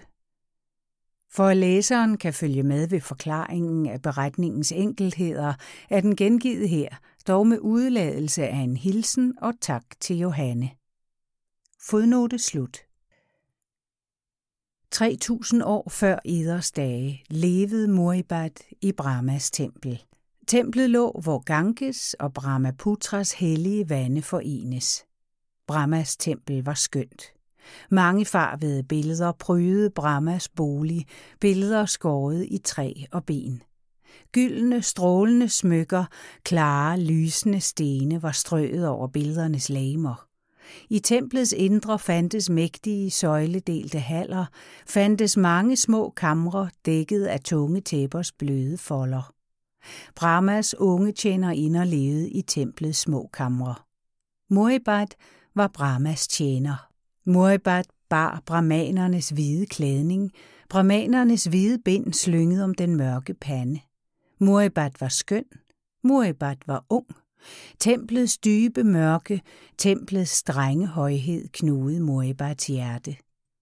Moribats hine længsler svang sig til landet bag Ganges' hellige bredder. Moribar hine længsler svang så højt over Himalayas snedægte tinder. Moribats søgende tanker strømmede med Ganges og Brahmaputras ilende vande mod havets umålte dybder. Moribat lede Brahmatjenerindernes sang, lede deres skønne dans. Forrest i kvindernes rækker stod Iriva, Moribats dejlige datter. Femten hede somre lyste Vishnus strålende fakkel over Irivas lokkede hoved. Ukendt blev Iriva givet i Brahmas tjeneste. Ene Brahmas mange øjne fulgte Moribat, Irivas ukendte far. Moribat var ung. Templets dybe mørke, templets strenge højhed knugede Moribats hjerte. Moribat elskede. Moribat elskede Iriva, Brahmas unge tjenerinde. Moribat stod på templets høje trin. Moribat så mange rigt klædte mænd drage over sletten foran templet. Mændene stansede ved templets fod. For os stod i Fisus, høj og stolt. Kappens hvide folder dækkede et ædelt lame.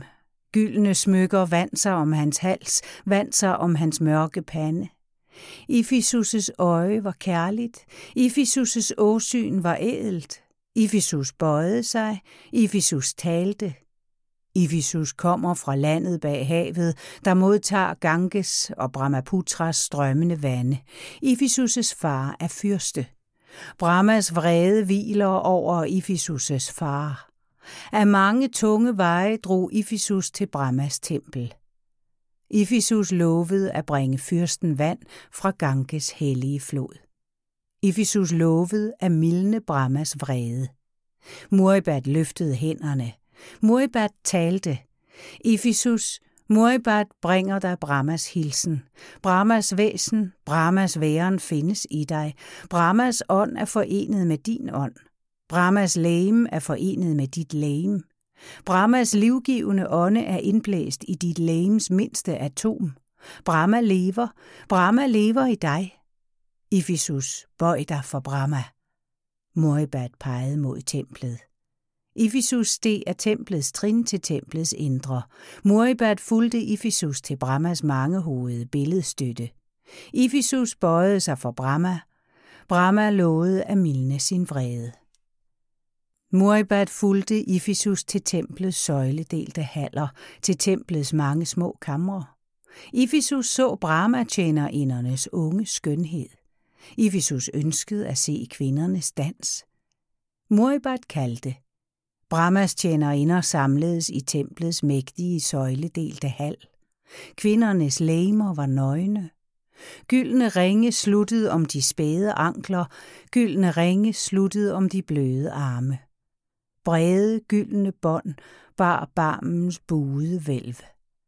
Ganges hvide lotus kransede kvindernes lokkede hår. Slørets grønne folder dækkede ikke lægemernes skønhed, dækkede ikke øjnenes mørke lurer. Forrest i kvindernes rækker stod Iriva, Muribats dejlige datter. Muribat løftede hånden. Sangens dårne, lokkende toner steg mod templets vælv. Slørene løftedes, slørene sænkedes, fødderne hævedes fra hallens sten. Lægemerne vuggedes blidt til tonernes stigen og falden. Moribats længselsfulde øje fulgte Irivas vuggende dans. Moribats lyttende ører fulgte Irivas lokkende sang. Irivas strålende øje hvilede på Ifisus' ædle åsyn. Moribat blegnede. Moribats hænder knyttedes. Moribat vogtede Ifisus. Tonerne dårne, lokkende klang steg mod templets valv. Sløerne løftedes, sløerne sænkedes, fødderne hævedes fra hallens sten. Læmerne vuggedes vildere, vildere, læmerne vuggedes blidt til tonernes stigen og falden. Moribat vogtede Ifisus. Ifisus nærmede sig. Moribat kaldte. Sangen forstummede. Kvinderne stansede. Iriva stod foran Ifisus. Moribat talte. Dansen er endt. Brahmas tjenerinder går til deres kamre. Kvinderne svandt bag søjlernes rækker. Ene stod Iriva. Ifisus' hånd lå kærligt på Irivas bøjede hoved. Ifisus søgte Irivas strålende øje. Ifisus løftede Irivas spæde hånd. Moribat nærmede sig. Ifisus talte. Iriva drager til Ifisus' land. Iriva følger Ifisus. Ifisus elsker Iriva. Moribat skælvede. Moribat talte. Aldrig drager Iriva til Ifisus' land. Aldrig forlader Iriva Brahmas tempel. Brahmas tjener indegård til sit kammer. Iriva løftede stolt det bøjede hoved. Irivas øje sendte Indras vredeslyn mod Moribats blege åsyn. Iriva vendte sig bort. Iriva bøjede sig for Ifisus. Iriva talte. Ifisus, Iriva danser for dig. Iriva synger for dig. Tonerne, stårende, lokkende kalden strømmede mod Ifisus. Sløret løftedes, sløret sænkedes, fødderne hævedes fra hallens sten. Lægemet vuggedes blidt til tonerne stigen og falden. Moribat vogtede Ifisus. Ifisus' skønhedssøgende øje fulgte Irivas vuggende dans. Ifisus' lyttende ører fulgte Irivas lokkende sang. Sangens dårende, lokkende toner strømmede mod Ifisus.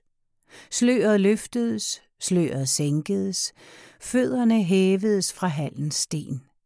Lægemet vuggedes vildere, vildere, lægemet vuggedes blidt til tonerne stigen og falden. Moribat vogtede Ifisus. Ifisus nærmede sig.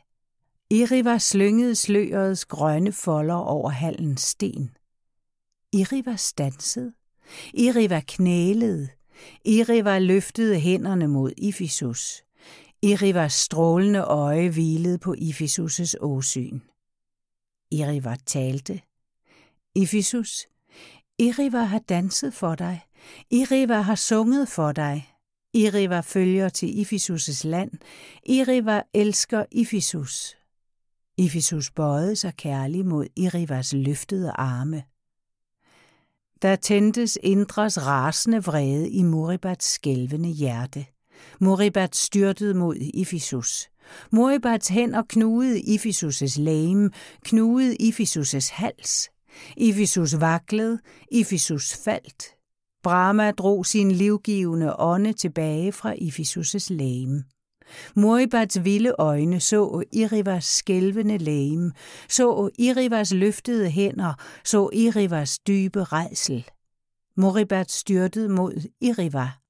Vildt knugede Moribat Irivas skælvende lægem. Moribat brød Irivas skønne blomst. Moribats knugende favntag knuste Irivas unge hjerte. Brahma drog sin livgivende ånde tilbage fra Irivas lægem. Moribat vågnede. Moribat så Ifisus. Moribat så Iriva. Angerens dybe redsel tændtes i Moribats hjerte. Moribat løftede Iriva på sine stærke arme. Moribat steg af templets høje trin til templets højeste tinde. Moribat styrtede med Iriva dybt ned i Ganges ilende vande. Brahma drog sin livgivende ånde tilbage fra Moribats læme. Moribat vågnede i Brahmas høje himmel. Brahma dømte. Brahmas dom var streng. Moribat tog Ifisus' liv. Moribat, du følger og skærmer Ifisus, følger til Ifisus tilgiver. Moribat bøjede sig. I tusinder af år fulgte Moribat Ifisus' skiftende jordeliv. Når Moribat og Ifisus mødtes i Brahmas høje himmel, bød Moribat Ifisus hånden, bad Moribat Ifisus tilgive. Ifisus vendte sig bort. Aldrig tilgiver Ifisus. For tusinder af år tilbage vandt Moribat Irivas kærlige tilgivelse. Iriva svang sig til Brahmas ukendte boliger. Ifisus, følg Iriva. Ifisus, du har sænket din gang mod de strålende højder, havet dig bandt. Ifisus, følg Iriva. Tusinder af år svandt hen. Tusinder af år svandt fra dagen, da Ifisus og Muribat mødtes ved Ganges hellige bredder. Endnu forenes Ganges og Brahmaputras ilende vande, hvor Brahmas tempel stod. Som Himalayas skjulte kilder evig fornyer Ganges hellige vande, fornyer Brahma af nådens skjulte kilder evig årenes mange dage. Endnu strømmer Ganges og Brahmaputras ilende vande mod havets umålte dybder. Endnu strømmer årenes mange dage mod æderens umålte vande. Endnu vandt Muribat ikke Ifisus' fulde tilgivelse. Ifisus, tilgiv. Noget efter, at jeg i året 1915 havde offentliggjort hilsen til Danmark, fik jeg besøg af en engelsk videnskabsmand, Mr. Havel, der i flere år havde opholdt sig i Indien og som havde kendskab til oldindisk litteratur og kunst. Mr. Havel, der havde interesse for okulte fænomener, forspurgte, da han så de tidligere omtalte før egyptiske tegninger, om vi ikke af okult vej havde modtaget noget, der omhandlede Indien. Vi gav ham da et eksemplar af den sandhedssøger, hvor i den indiske inkarnationsberetning var optaget. Mr. Havel syntes straks at blive interesseret i den, men udtalte sig ikke nærmere. Nogle dage efter kom Mr. Havel igen og fortalte os, at han nu havde sat sig grundigt ind i den, og at han var meget overrasket over, hvor indisk den var i hele sin form og udtryksmåde. Således sagde han for eksempel henvendt til min hustru, Selvom de havde læst alle mine værker om Indien, så havde de dog ikke været i stand til at skrive dette. Jeg har aldrig uden for Indien truffet nogen litteratur, der var så indisk. Derefter gennemgik Mr. Haval indholdets enkeltheder med os. 1. Stroferne gav et godt indtryk af gamle sanskrit-sange brugt af Brahma-præster. 2. Inderne betragter det trekantede stykke jord, der fremkommer ved to floders sammenløb, som helligt. Stedet, hvor den hellige flod Ganges optog Brahmaputra, må det således være særlig helligt. 3. Man vidste, at der i længst forsvunden tid havde ligget et hindutempel på det sted, der var angivet i beretningen. 4. I den indiske mytologi omtales en himmelsk danserinde, Ira, der danser for guderne. Den unge tempeldanserinde Irivas navn var en korrekt afledning af sanskritordet Ira. 5. Navnet Iphisus, eller korrektere Iphisos, da det sikkert var græsk, viste hen til, at den unge fyrstesøn, der kom fra landet bag havet, der modtager Ganges og Brahmaputras strømmende vande, var fra Lydien i Lilleasien, der ved det i beretningen angivende tidspunkt antagelig havde handelssamkvem med det nordlige Forindien.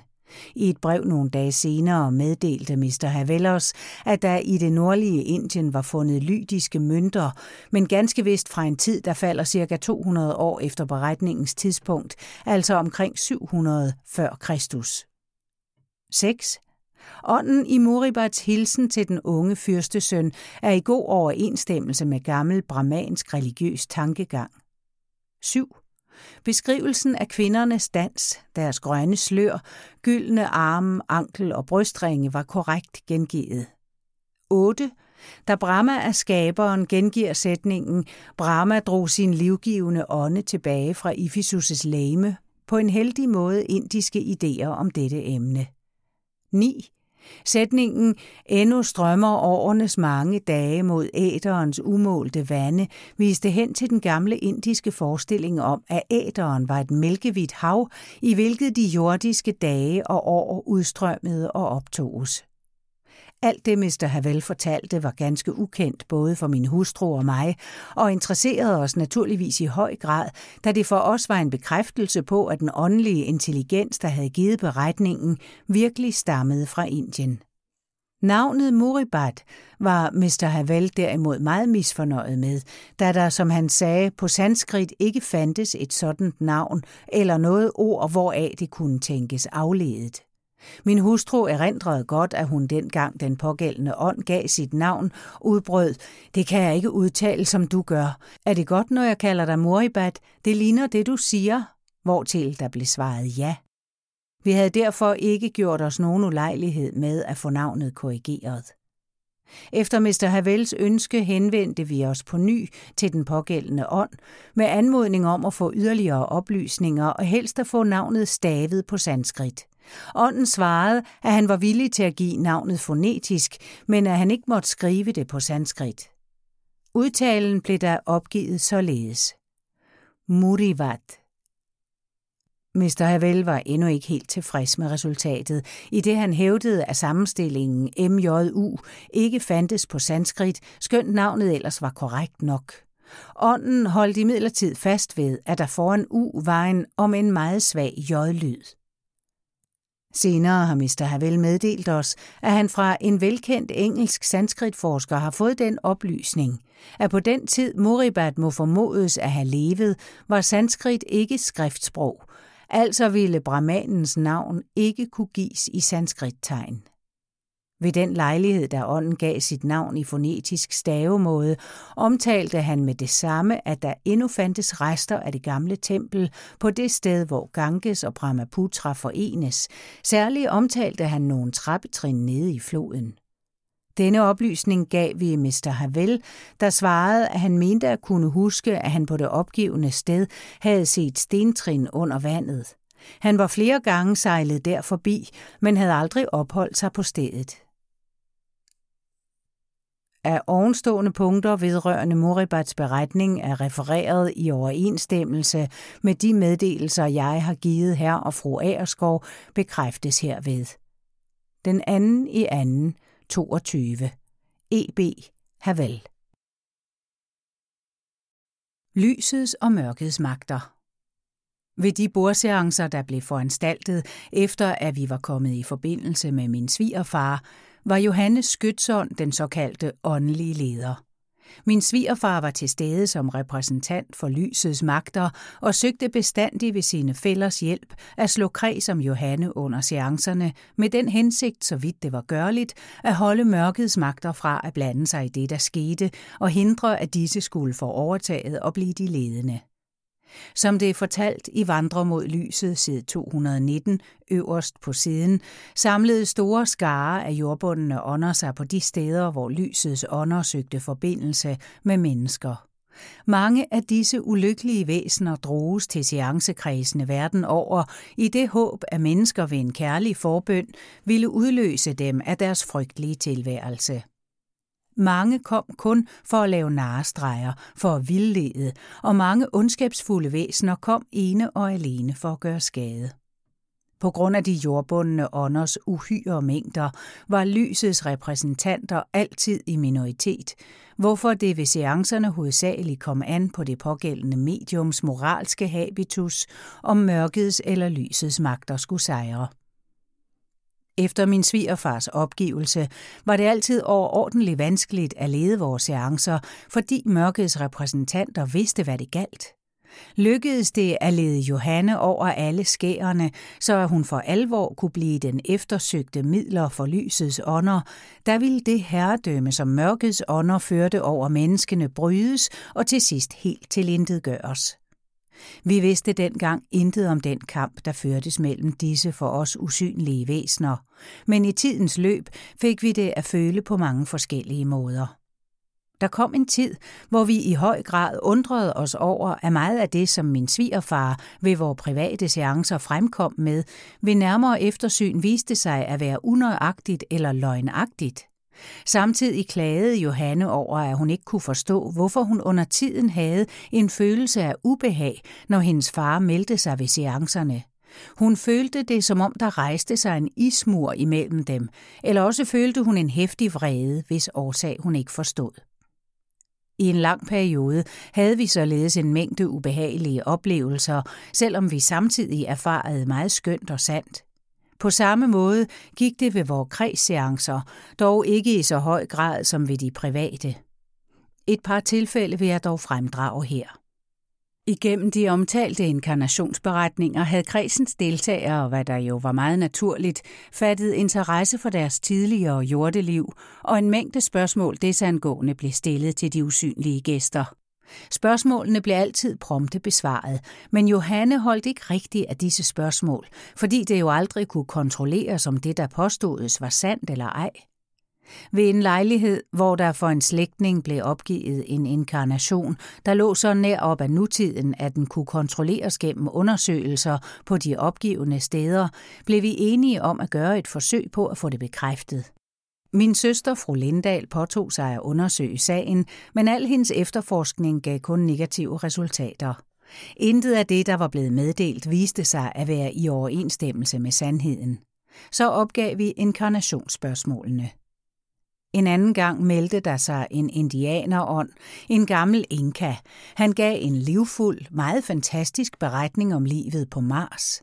Fortalte om beboernes høje kultur osv. Et spørgsmål fra min side angående Mars-musikkens toneintervaller syntes et øjeblik at bringe ham ud af fatning, men straks efter kom dette svar. De står på højkant. Svaret virkede unægteligt forbløffende. Vi kom til at le af dette oplagte vrøvl og bad ham forsvinde. Vi havde fået nok af den tønde. Ligeledes hente det, at vi før lotteritrækninger fik meddelelse om større eller mindre gevinster, og da vi jo som før fortalt havde haft en spontan oplevelse med en lotterigevinst, gik vi i begyndelsen gladeligt med til at tro på rigtigheden af det, der var fortalt os. Men vi blev grundigt belært om det løgnagtige i disse forudsigelser. Alt i alt begyndte min hustru at blive træt af det ene øjeblik at have oplevelser, der virkede ganske overvældende i deres sandhed. Det næste at få meddelt ting, der virkede ganske deprimerende, og hun sagde ofte, jeg forstår ikke, hvorledes dette hænger sammen. Noget galt må der være et eller andet sted. Spurgte vi min svigerfar, svarede han altid, at vi var omgivet af onde væsener, men vi måtte selv søge at forstå det, der skete. Så kulminerede det hele ved en bestemt lejlighed, og derefter fik vi fred for disse upålidelige meddelelser. En dag Johanne var alene, kom hendes far og sagde, at han ønskede hendes hjælp. Om hun ville høre godt efter, så ville han forklare hende, hvad han ønskede, hun skulle gøre. Han talte til hende om flere forskellige mennesker, der under deres sidste jordeliv indadtil havde været et og udadtil noget ganske andet. Disse menneskers ånder var ikke jordbundne. De levede i deres fære hjem, men følte sig bestandigt trykkede af erindringen om deres falskhed i jordelivet, i det deres slægtninge og venner kendte dem ud fra ganske falske forestillinger om deres inderste væsen. Han gik nu i detaljer for hver enkelt, som han nævnede, og bad Johanne, om hun, da alle disse nu igennem ham, i hvert fald over for et menneske havde erkendt deres mindre heldige optræden, ville gå i forbøn for dem, så at de kunne komme bort fra disse trykkende erindringer. Johanne lovede at gøre det, men bad sin far komme til stede, da hun umuligt kunne huske deres navne eller hvad det drejede sig om. Da tidspunktet var kommet, da Johanne ville bede for dem, og hun følte sin far hos sig, hørte hun pludselig, at han med en meget høj stemme sagde, det er løgn, alt hvad jeg har sagt. Som rimeligt er, blev Johanne et øjeblik ganske forvirret, mens hun tænkte, hvad dog meningen med alt dette? I det samme hørte hun en skøn, alvorlig stemme sige, en bøn kan aldrig skade. Ja, tænkte hun, det er sandt.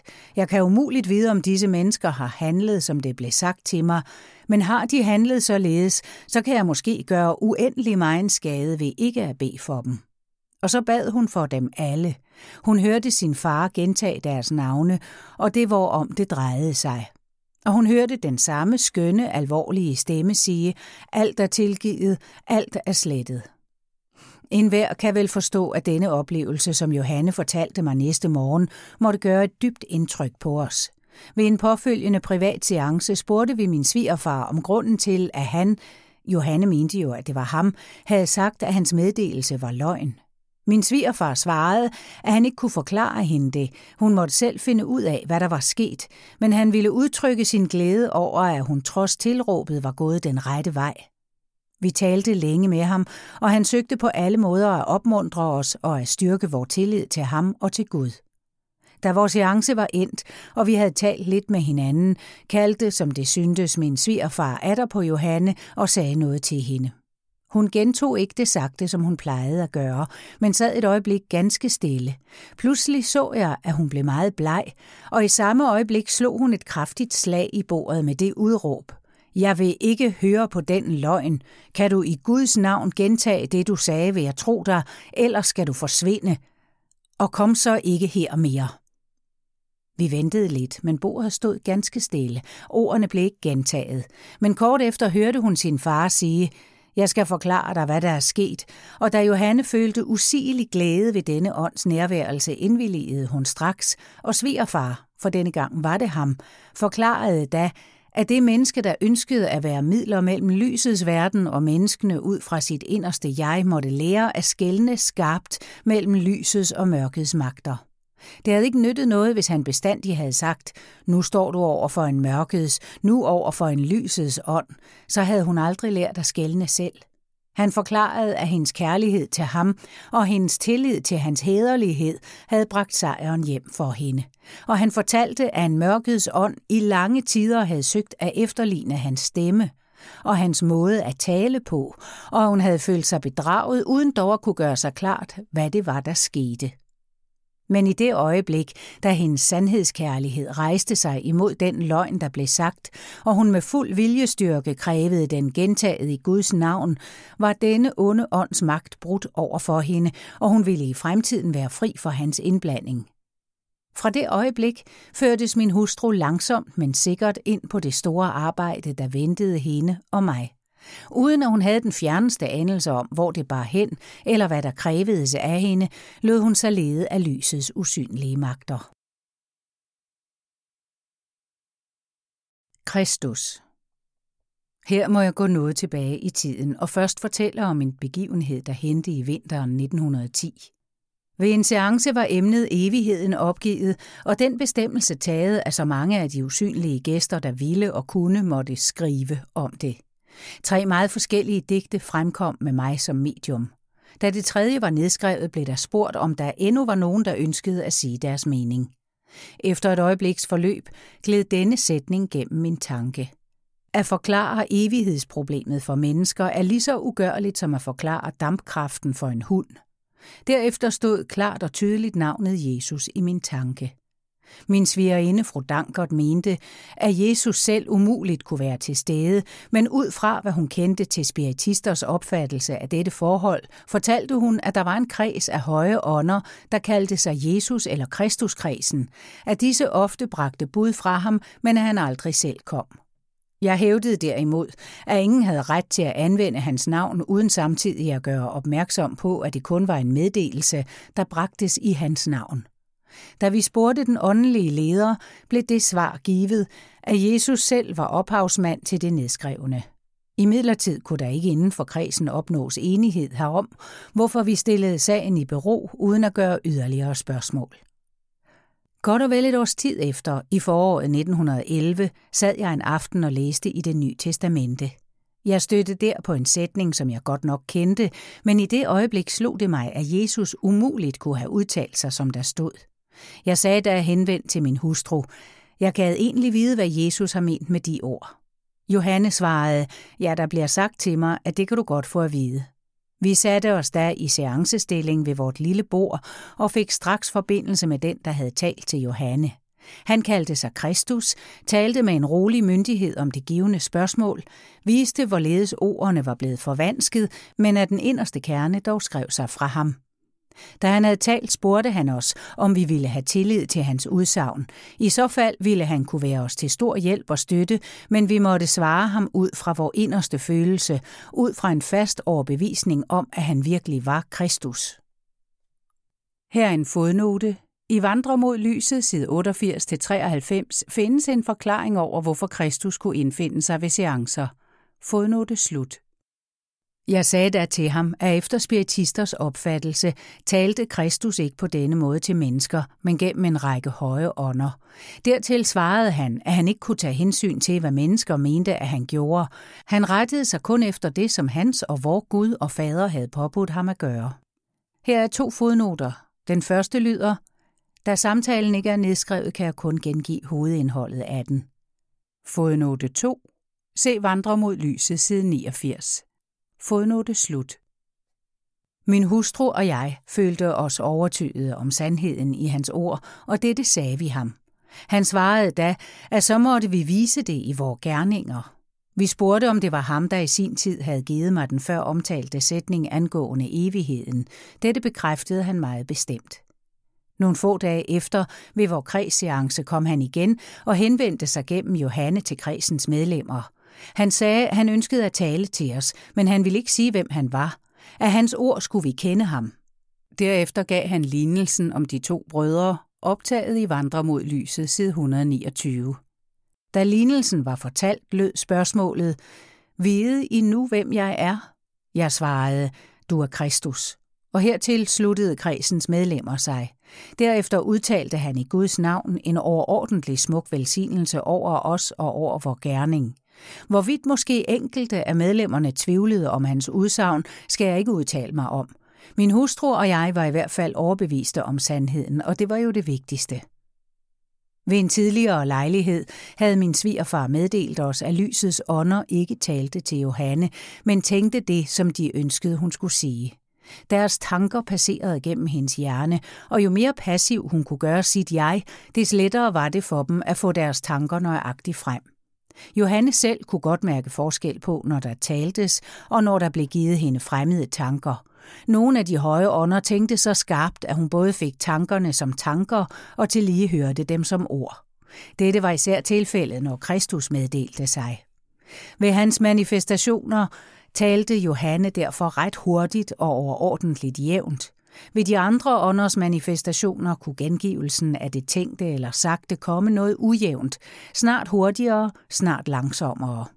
Også af denne grund var vi klar over, at det måtte være en meget høj ånd, der havde givet os lignelsen om de to brødre, og det vidste vi med absolut sikkerhed, at en høj lysets ånd ikke gav sig andet navn end det, der med rette tilkom ham. Således havde i alt fald min hustru og jeg modtaget Kristus og var redde til at rette os efter det, han måtte ønske eller kræve af os. Fra denne aften overtog min svigerfar i stedet for Johannes Skytsånd den åndelige ledelse af vores seancer. Allerede et par aftener efter kom min svigerfar og Kristus for at anmode om vores hjælp. Vi fik da at vide, at Kristus havde medbragt en del dybt faldende mørkets ånder, og at han ønskede, at Johannes skulle være hans tolk over for dem. Han forklarede, at han havde hentet dem i helvedesfæren, og at han kun en kort tid kunne manifestere sig for dem der, således at han blev synlig og hørlig for dem, samt at han ikke kunne få tilstrækkeligt herredømme over dem, fordi han ikke kunne udholde ret længe af gangen at færdes i helvedesfærene. Det, der nu skete, var så ejendommeligt og af en så gribende art, at min hustru og jeg aldrig glemmer det.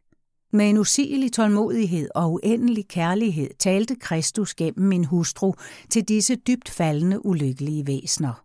Og ikke en nægtede at følge ham. Alle overgav sig til hans kærlighed og barmhjertighed. Aften efter aften i lange tider hjalp vi Kristus, min svigerfar og flere andre høje ånder med at tale disse stakler til rette. Og så snart Kristus hos dem sporede den anger og sorg, som han søgte at vække, blev de ført til deres hjemsteder. Efter en tids arbejde på denne måde blev det en aften overdraget til mig at fortsætte med at påvirke de faldende ånder. Selvom jeg havde lært meget ved at høre på Kristus, så var denne gerning usigelig svær for mig. Jeg havde jo ikke hans tålmodighed, ikke hans kærlighed, men når jeg slet ingen vegne kunne komme med dem, blev jeg støttet af den åndelige seanceleder. Det, som var det sværeste, var at få disse væsener til at fortælle, hvilken personlighed de havde besjælet i deres sidste jordeliv. Utrolige var de historier, de søgte at bilde os ind. Jeg talte til de usynlige gæster, og min hustru gengav deres svar. Men da jeg er i besiddelse af gode historiske kundskaber, lykkedes det dog i de fleste tilfælde at få deres rette navn, således at jeg havde et udgangspunkt. Et eksempel på den hjælp, vi fik, vil jeg her omtale. Vi havde at gøre med en særlig ondsindet person, og han søgte bestandigt at bedrage os. Til sidst tabte jeg tålmodigheden og erklærede til den åndelige seanceleder, at jeg intet kunne udrette. I samme øjeblik hørte Johanne en skøn klar stemme, der talte til den pågældende ånd. Først hørte hun stemmen sige hans navn. Derefter, du løgner, morder og kvindeskænder, våger du at bedrage dem, der søger at hjælpe dig. Den tiltalte blev så forfærdet over dette tilråb fra et væsen, der var usynligt for ham, at han øjeblikkeligt erkendte, at stemmen havde sagt det rette navn, og så var han medgørlig. Skønt disse seancer var overordentligt trættende og faldt i en periode, hvor jeg havde meget arbejde, og min hustru var ret svagelig på grund af en bronkitis, fik vi altid en ubegribelig styrke tilført, så at vi, når vi rejste os fra vor gerning, følte os stærkere, mindre trætte, end da vi satte os dertil. Hilsen til Danmark når min hustru og jeg talte om de åndelige intelligensers digtskrivning gennem mig, sagde hun ofte, at det egentlig umuligt kunne fastslås, at det virkelig var de pågældende, som benyttede min mediumitet, da de så godt som altid var væsener, vi intet kendte til fra deres jordliv, Dernæst var jeg selv forfatter, havde både skrevet og udgivet flere digtsamlinger, hvorfor der gennem mine mediumistiske præstationer vanskeligt kunne tilvejebringes noget autentisk bevis, selvom der som før bemærket ikke er skygge af lighed mellem mine egne og de mediumistiske digte. Det var derfor hendes stadige omkvæd. Lad os få digte fra kendte personligheder, og lad dem fremkomme gennem mig. Min hustru har nemlig ikke gnist af digterisk evne, har aldrig lært den mest elementære metrik og har ingen virkelig interesse for og ingen forstand på digtning, hvad jeg tit nok har erfaret. Der blev det i foråret 1911 en dag meddelt Johanne, at nogle af de afdøde danske digtere havde fået tilladelse til gennem hende at forsøge på hver især at skrive et digt, for på denne måde at yde et autentisk bevis på det menneskelige jegs beståen efter døden. Men de måtte først forsøge forskellige metoder, og så vælge den, der klarest viste sig at kendetegne den pågældende digters ejendommeligheder og særpræg. De første, der forsøgte sig, prøvede på almindelig inspiratorisk vis at få et digt gennem Johanne, der da nedskrev det, som fremkom i hendes tanke. Resultatet blev højst kuriøst. Vers blev det ikke, men prosa, gennem hvilken dog den pågældende digter var let at opdage ved karakteristisk ordvalg.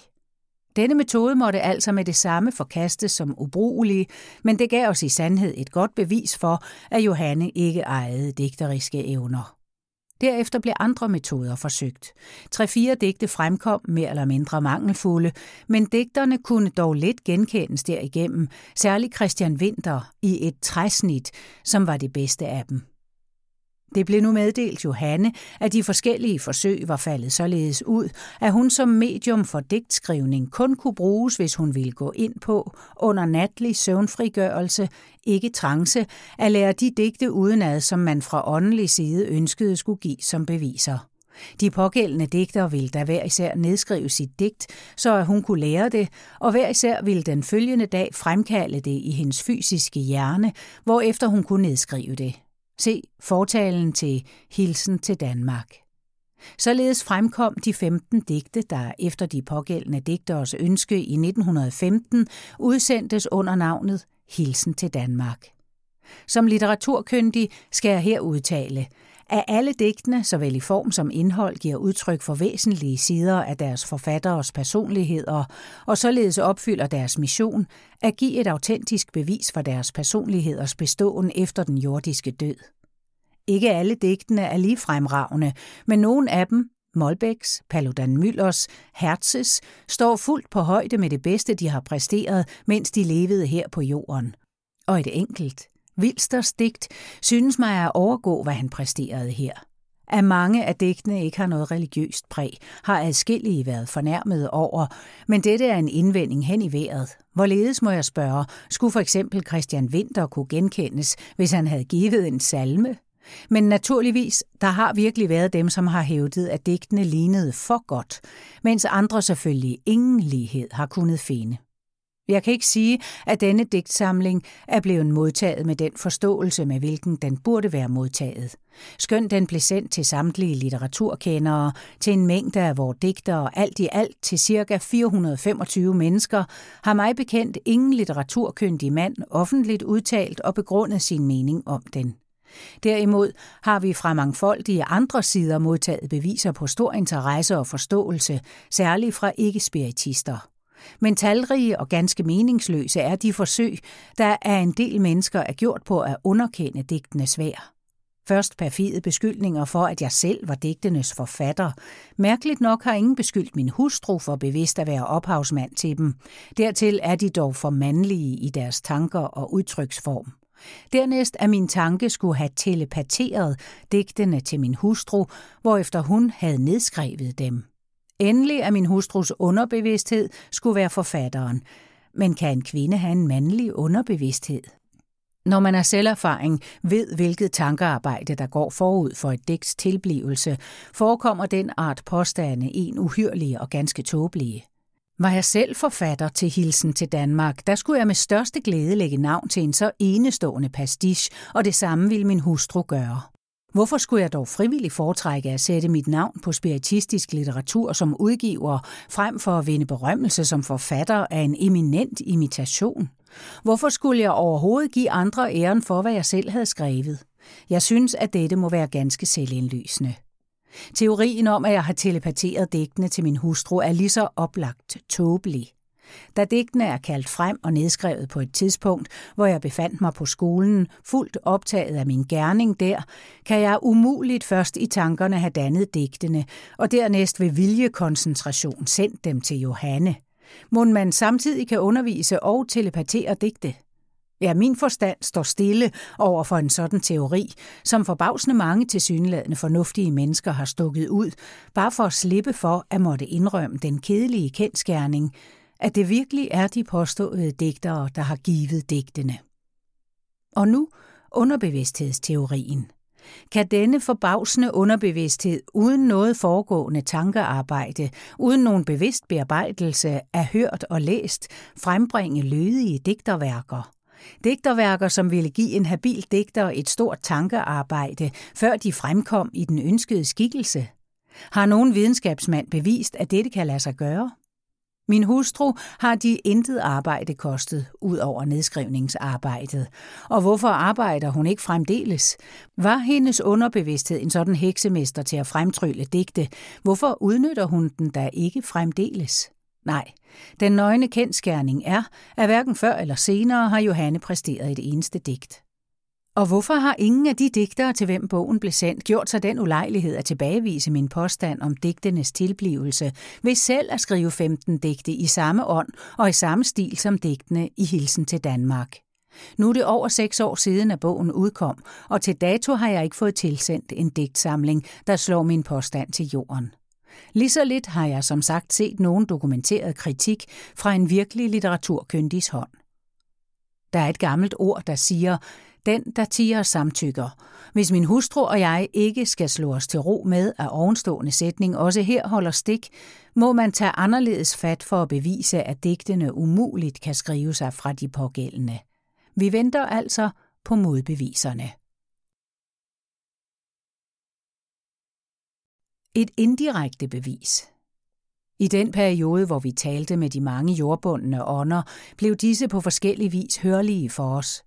Således fremkom daglig i nogle år en ganske ejendommelig lyd, der syntes at udgå fra døren mellem vores spisestue og mit arbejdsværelse.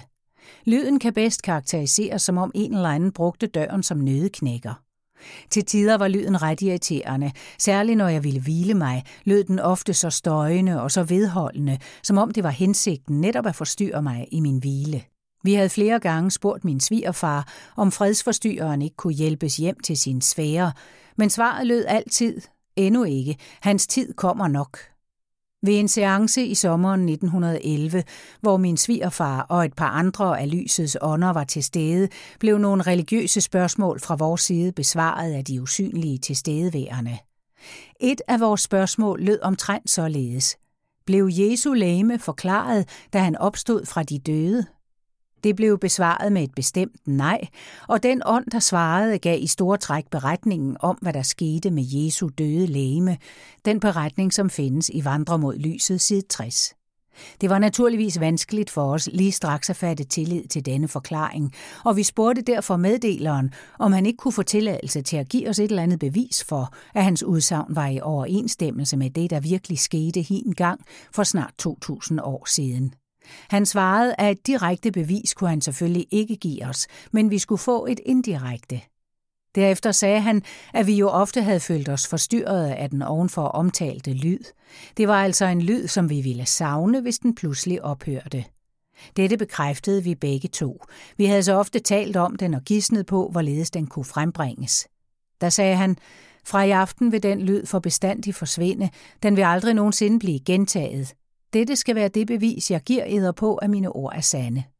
Og skønt vi gang efter gang lyttede efter, hørtes lyden aldrig mere i de cirka halvandet år, i hvilke vi endnu boede i lejligheden.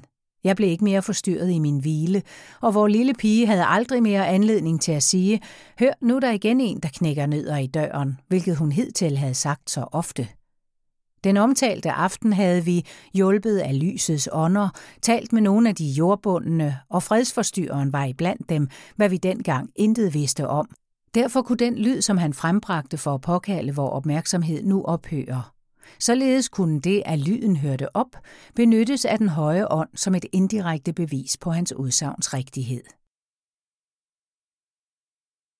Delingen af min svigerfars efterladte videnskabelige papirer i sommeren 1911, da der fra et par yngre videnskabsmænd gennem et medlem af min hustrus familie var rettet en henvendelse til hendes ældre søster om at få min svigerfars efterladte papirer overladt til undersøgelse og opbevaring, kaldte min svigerfar på Johanne og bad hende sørge for, at hans arbejder ikke blev udleveret.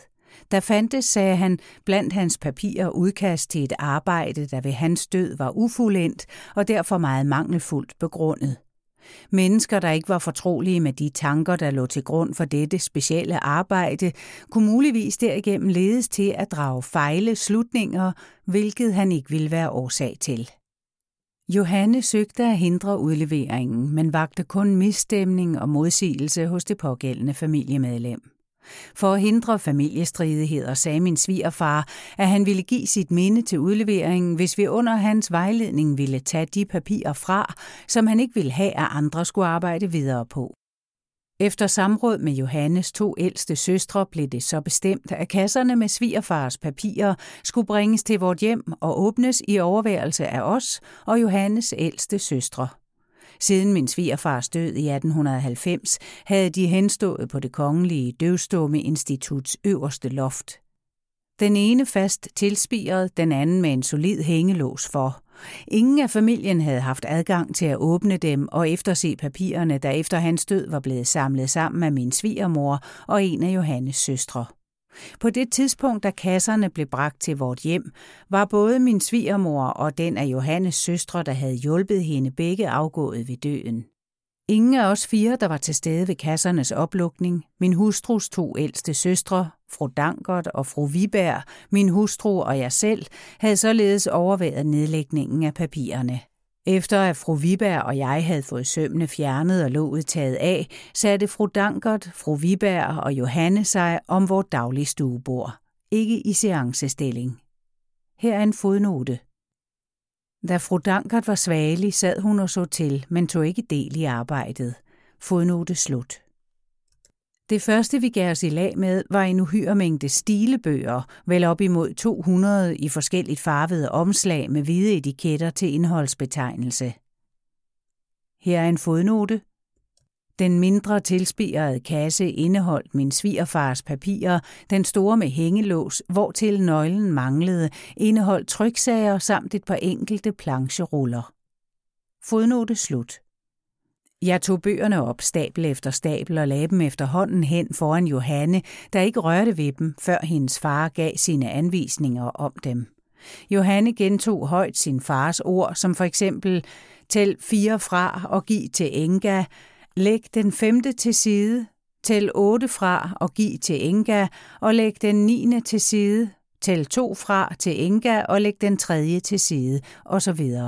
Således blev alle stablerne gennemgået i forbavsende hast, og det viste sig da, at de stilebøger, som Johanne efter anvisningen havde lagt til side, alle uden undtagelse på etiketten bar den samme udskrift, hvorimod de bøger, som min svigerinde fru Viberg havde fået, bar andre påtegnelser, og i hendes bunke fandtes ikke en eneste bog med påskrift enslydende med den, der var på de bøger, som Johanne havde lagt til side. Her er en fodnote. Bøgernes farve kunne ikke give Johanne nogen oplysning om indholdet, da alle de bøger, der var lagt til side, var forskellige i farven. Fodnote slut. På samme måde blev dernæst en hel del papirer gennemgået. Disse lå inde i hverandre i store ruller. Stykke for stykke trak Johanne ud af rullerne uden at brede dem ud, lagde til side efter sin fars anvisning og gav resten til fru Viberg. Efter ordningen kunne vi af forskellige randbemærkninger på papirerne se, at de, der var taget fra, i indhold svarede til den bunke stilebøger, der tidligere var lagt til side. Til sidst blev en del manuskriptpakker skilt med samme resultat. En hver vil kunne forstå, hvilket overvældende indtryk denne begivenhed måtte gøre på os alle. Præcist og roligt gentog Johanne sin fars ord, skønt det hele foregik hurtigt, blev bøger og papirer uden en eneste fejltagelse skilt i to bunker. Alt det, der var overgivet til fru Viberg, blev tilstillet de to herrer, der havde ønsket at overtage min svigerfars arbejder. Det øvrige er efter hans udtrykkelige ønske senere blevet brændt. Da svigerfar i levende live selv havde tilintetgjort en del af sine forarbejder til de af ham udgivende pjæser om børns vækstperioder, og de efterladte papirer derfor i forvejen var mangelfulde, mente vi os i vor fulde ret, når vi efter den afdødes ønske tilbageholdt de skrifter, der dog ikke med tilfredsstillende resultat kunne være ført til ende af andre end den afdøde selv. Heller ikke i dette tilfælde kan man ty til at forklare den stedfundne begivenhed ud fra telepatisk påvirkning fra levende mennesker. De to, der havde samlet papirerne og lagt dem i kassen, var døde, men selvom de havde levet, havde de umuligt kunnet erindre, i hvilken rækkefølge de var lagt, da det ganske tydeligt fremgik, at der ikke var fuldt nogen bestemt plan ved nedlægningen. Alt lå imellem hinanden i ruller eller stabler. Da Johannes ældste søster, fru Dankert, er afgået ved døden, kan kun fru E. Viberg bekræfte ovenstående. Herved erklæres, at jeg ikke var til stede, da min fars efterladte papirer blev anbragt i en kasse, for derefter at henstilles på det kongelige døvstumme instituts loft. Af denne tilspirede kasse samt en større kasse, indeholdende trygte bøger og plancher og lukket med hængelås, som måtte brækkes fra, på min foranledning blev bragt fra det kongelige døvstumme institut til min svoger M. Aerskovs lejlighed, Grundtvigsvej 15 at jeg overværede åbningen af disse kasser og var med ved den umiddelbart derpå følgende fordeling af papirerne og er i øvrigt ovenstående beretning omhandlende fordelingen af min fars efterladte papirer er i nøje overensstemmelse med sandheden. København, 6. 3. 22, Engelke Viberg, født Malling Hansen. De jordbundne ånder en aften i efteråret 1911 fik vi igennem min svigerfar den meddelelse, at alle de jordbundne ånder var kaldt hjem til deres fære, se vandre mod lyset side 93, og at vor hjælp derfor i fremtiden blev overflødig, hvad disse væsener angik. Han fortalte ligeledes, at helvedesfæren var bortslettet, og at størstedelen af de faldende ånder, der havde haft deres opholdssted der, var bragt bort til fjerne kloder. Men han bad os endnu en tid være lysets ånder behjælpelige med at tale med nogle af de dybest faldende, der var vågnet til forståelse og erkendelse af deres fald og deres forsyndelser – dette lovede vi, og vi havde derfor endnu en del vanskelige seancer med disse ånder, men der blev større og større mellemrum mellem seancerne, til de i løbet af cirka to år æbbede helt ud. Det var også en usigelig stor glæde at høre, at det astrale jordplan nu var renset for disse beklagelsesværdige stakler, og at de hver eneste en i deres hjemsfære fik alt den pleje, de trængte til, og på forskellige måder blev oplyst om det, der var sket, og hvorfor de i så lange tider havde været bundet til det hvileløse ophold her på jorden blandt de levende mennesker. Men som der i Vandre mod lyset side 232 står fortalt, var der nogle år efter, at de jordbundne ånder var fjernet, en stor fare for, at der atter ville danne sig et nyt åndeproletariat på jordplanet, i det mennesker, der havde mistet slægtninge og venner, særligt i krigsårene, optog spiritisternes lære om, at det var tilladt enhver at søge forbindelse med de kære afdøde. Menneskenes og særligt mediernes stærke tanker kaldte de afdøde tilbage til jorden, og utallige ånder kom til stede ved alle mulige seancer for at manifestere sig. Størstedelen af disse menneskeånder følte sig derigennem bundne til de levende mennesker, der havde tilkaldt dem, hvorfor de bestandig søgte hjælp hos lysets ånder for at kunne vende tilbage til deres sfære hjem, eller for at få større styrke til at modstå lysten til at komme tilbage til de efterladte. Nogle af de afdøde kom derimod kun for på forskellige måder gennem medierne at fordele de jordiske nydelser. Forholdene blev derfor efter nogle års forløb ganske uholdbare, skønt lysets ånder bestandig bragte dem hjem, der ønskede det og som led under jordopholdene. Til sidst henvendte de sig direkte i en bøn til Gud om hjælp for at komme ud af disse tilstande, der efterhånden blev dem ganske uudholdelige, og på deres bøn blev der gjort en del foranstaltninger for at støtte dem i deres bestræbelser, ligesom der blev fastsat bestemmelser angående mekanisk virkende straffe for de ånder, der trods alle forholdsregler og al hjælp dog forlod hjemsfærene for at deltage i de jordiske spiritistseancer. Alt dette er imidlertid omtalt i Vandre mod lyset, side 232-34. Men når jeg er der her drager disse forhold frem, er grunden den, at vores hjemlige spiritistkredse har stillet sig ganske uforstående over for denne sag. De kan ikke eller vil ikke forstå, at det ikke kan være til nogen som helst gavn for de afdøde at trækkes fra deres hjemsfære ned til det jordiske mørke, der virker så forstyrrende og bindende på det åndelige jeg. Alle de mange spiritistseancer jorden over er efter de guddommelige love ganske utilladelige, og hvis de levende mennesker kunne sætte sig ind i deres afdøde kæres lidelser ved at drages herned, er jeg overbevist om, at alle seancer vil ophøre af sig selv.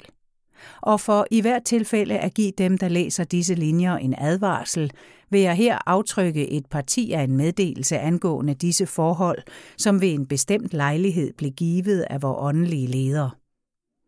Mens ånderne, der hører hjemme i første til fjerde sfære på grund af de forholdsregler, der er taget, ikke på nogen måde kan komme til jorden mere, så vil de, der opholder sig i femte sfære og i sjette sfæres laveste planer, endnu i mange, mange tider være udsatte for at drages til jorden, trods deres forsøg på at blive i deres hjem.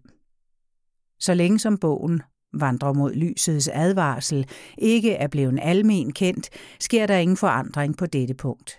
Disse ånder, der således uden tilladelse følger mediernes dragende kalden, føler sig altid forvirrede, elendige og fortvivlede i jordens mørke.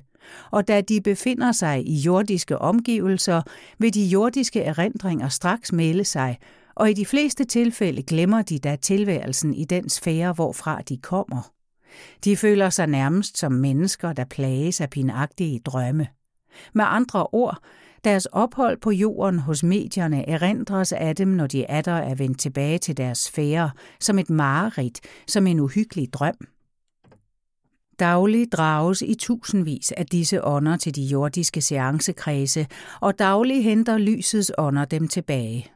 Naturligvis vil det ikke være behageligt for spiritister at læse dette, særligt da spiritismens forkæmpere bestandig har hævdet og stadig hævder det tilladelige i disse åndeforbindelser. Efter fremstillingen i Vandre mod lyset vil man let kunne indse, at den art forbindelser aldrig har været tilladt, men at Gud tillod sine egne udsendinge Lysets ånder, se Vandre mod lyset side 89, at søge forbindelse med mennesker for blandt andet også at komme denne falske lære til livs. Og nu da man fra åndelig side har søgt at bringe orden i dette kaos, bør alle spiritister bøje sig for den kendskærning, at ingen arter af seancer, der har til hensigt at komme i forbindelse med de døde, er tilladt. Og en ting må spiritisterne ikke glemme – mange af de ældste, de faldende ånder, der inkarnerede lever i blandt os mennesker, kan under natlig søvnfrigørelse møde ved seancer og give sig ud for den og den, noget som medierne meget vanskeligt kan kontrollere, da lysets ånder ikke længere giver sig til kende ved seancer for at advare mod mørkets ånder. Medierne har nu kun deres samvittighed at rette sig efter, og er et medium først begyndt på at holde seancer under svag belysning, rødt lys eller uden lys, eller giver sig af med trance- og materialisationsseancer, har det allerede draget så meget åndeligt mørke sammen om sig, at skytsånden, samvittigheden, har usigeligt vanskeligt ved at gøre sig gældende. Lad mig med det samme gøre opmærksom på, at min hustru og jeg på et meget tidligt tidspunkt tog afstand fra den gængse spiritisme. Vi har i et og alt fuldt den ledelse, der blev ydet os af lysets ånder, og fra det øjeblik, det blev meddelt os, at de jordbundne ånder var bragt til deres hjemsfære, ophørte vi med den gren af vort arbejde, og vi har aldrig siden fået tilbragt den art væsener mere. Vi ved, at de afdøde har det bedst i deres hjem, og at de der får al den hjælp, de behøver, og at den hjælp, der ydes dem der, er langt bedre end den, vi mennesker, selv de bedste af os, kan give dem. Måtte disse linjer virke til, at spiritisterne ser og forstår det store ansvar, de har over for de døde. Jeg udtaler i hvert fald det håb, at fordomsfri forstående spiritister i fremtiden vil lære de mindre forstående, at den gamle spiritist ABC er forældet og ganske værdiløs, og at den langt mere virker til skade end til gavn. Den ånd, der var faldet dybest – i løbet af vinteren 1911 til ud på foråret 1912 gav Kristus os de øvrige lignelser, der er optaget i Vandre mod lyset.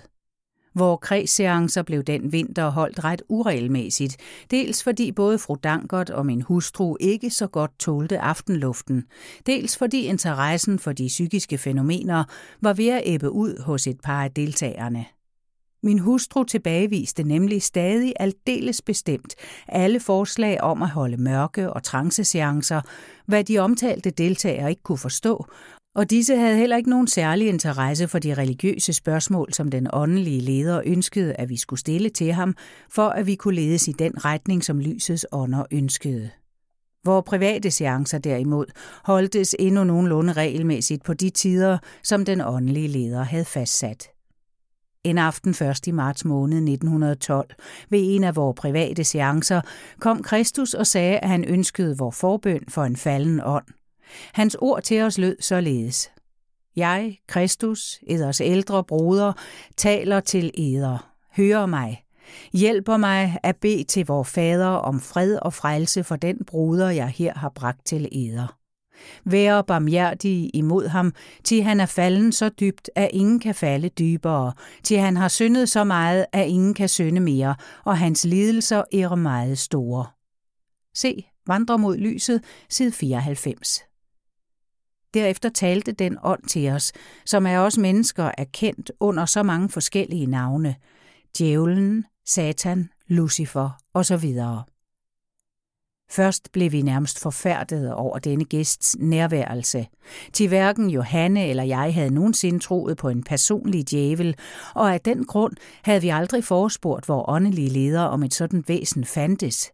At der var dæmoner eller faldende ånder, havde vi jo tidligere selv fået at føle, dog dette havde vi ikke ventet. Men da hans ord til os vidnede om den dybeste fortvivlelse, en fortvivlelse så knugende, at den ligefrem meddelte sig til os, og da han i Guds navn gentog for os, at han var den af menneskeheden frygtede djævel, Guds modstander, måtte vi tro både hans og Kristi udsagn. Og ud fra den dybe melidenhed, vi følte med ham og med hans lidelser, tilgav vi ham af hele vort hjerte, hvad han havde syndet imod os, og vi bad vor himmelske far, i menneskehedens navn, tilgive ham hans fald og det onde, han havde gjort menneskene. Med inderlig glæde og i dybt bevægede ord gengav Kristus Guds svar for os. Se Vandre mod lyset, side 95, linje 12 fra oven. Selv var vi ligeledes dybt grebne af denne oplevelse, men vi følte begge med en absolut, en intuitiv vidshed, at det, der var sket, betød uendelig meget mere både for os og for menneskeheden, end vi i øjeblikket formåede at fatte eller at udrede. Denne begivenhed ved vi, at flere mennesker, der har læst Vandre mod lyset, ikke kan forstå. De forstår ikke, at Gud i sin uendelige kærlighed til alle de væsener, han har skabt, kunne tilgive den søn, der var falden så dybt. Men hvilket menneske tør våge at hævde, at han har løjet Guds kærlighedsdyb? Tør noget menneske våge at opstille regler for Guds handlemåde? Men hvis vi forstår, at Guds kærlighed til hans børn er kærlighed i højeste potens, der må vi også kunne forstå, at han altid må være rede til at tilgive selv det væsen, som størstedelen af den civiliserede menneskehed kun føler afsky og rejsel for. Og hvis der blot var en eneste, hvem Gud ikke fuldt og helt kunne tilgive ud fra sit faderhjertes følelser, var han ikke fuldkommen. Og hvorledes kunne han da for os mennesker stå som det højeste forbillede på kærlighed og barmhjertighed? Men selvom Gud har tilgivet sit barn, har tilgivet ham, der faldt dybere end noget andet væsen, så er en sådan tilgivelse ikke nok. Også menneskene må ud fra deres hjerters melidenhed med hans lidelser tilgive, hvad han i årmillionernes løb har syndet imod dem. At det for mange vil være meget vanskeligt af hjertet at skænke ham denne tilgivelse, det forstår jeg så godt. Men må det ikke ligger i, at sådanne mennesker gør Gud for lille og sætter sig selv for højt? Jeg siger ikke for meget, når jeg siger, at kunne hver eneste menneske forstå det sublime i denne tilgivelsestanke, ville menneskene derigennem åndeligt set hæves op i en sandere, renere og mere kærlighedsfyldt sfære, end den, hvor i de nu lever. I hvert fald burde de, der er mangfoldige grunde har meget at bede Gud om tilgivelse for, forstå, hvad en sådan tilgivelse er værd. De burde ud fra deres egen længsel efter den kunne forstå og tilgive det væsen, der har syndet så uendelig meget mere end de selv. Jeg vil sluttelig henvise til de ord af Jesus, der er optaget i Vandre mod lyset, side 37. Vær barmhjertige mod alle, der kommer til eder til vise i barmhjertighed, der vil og eders fader være barmhjertig mod eder. Tilgiver alle eders fjender og alle dem, der sønde mod eder. Til i samme mål, som I tilgiv, vil eders himmelske fader og tilgive eder, når I angrer, hvad I have syndet imod ham. Ja, lad os være barmhjertige mod dem, der kommer til os og søger vor tilgivelse, og igennem vandre mod lyset er Guds dybest faldende søn kommet til menneskene for at anråbe dem om barmhjertighed og tilgivelse. Løftet Skønt nedenstående beretning ikke kan bekræftes af andre, da jeg af private grunde ikke ønsker at navngive de personer, som har spillet hovedrollen deri, vil jeg dog medtage den, fordi den meget tydeligt viser, hvilke krav, der blev stillet til os i retning af absolut tillid til vores åndelige ledere, og til lige hvor vanskeligt det meget ofte var for os at have denne absolute tillid. Ved en bestemt lejlighed modtog jeg en anmodning om at yde et lån på 200 kroner, men på grund af flere forskellige ekstraordinære udgifter var jeg nødt til at give et afslag. Ganske vist havde jeg pengene, men de skulle anvendes til vores husleje, der skulle udbetales godt 14 dage senere, og jeg vidste, at jeg umuligt kunne få lånet tilbagebetalt til den tid. Følgelig måtte jeg afslå at yde min hjælp her. Samme aften kaldte min svigerfar på os og bad mig, om jeg alligevel ville give det omtalte lån.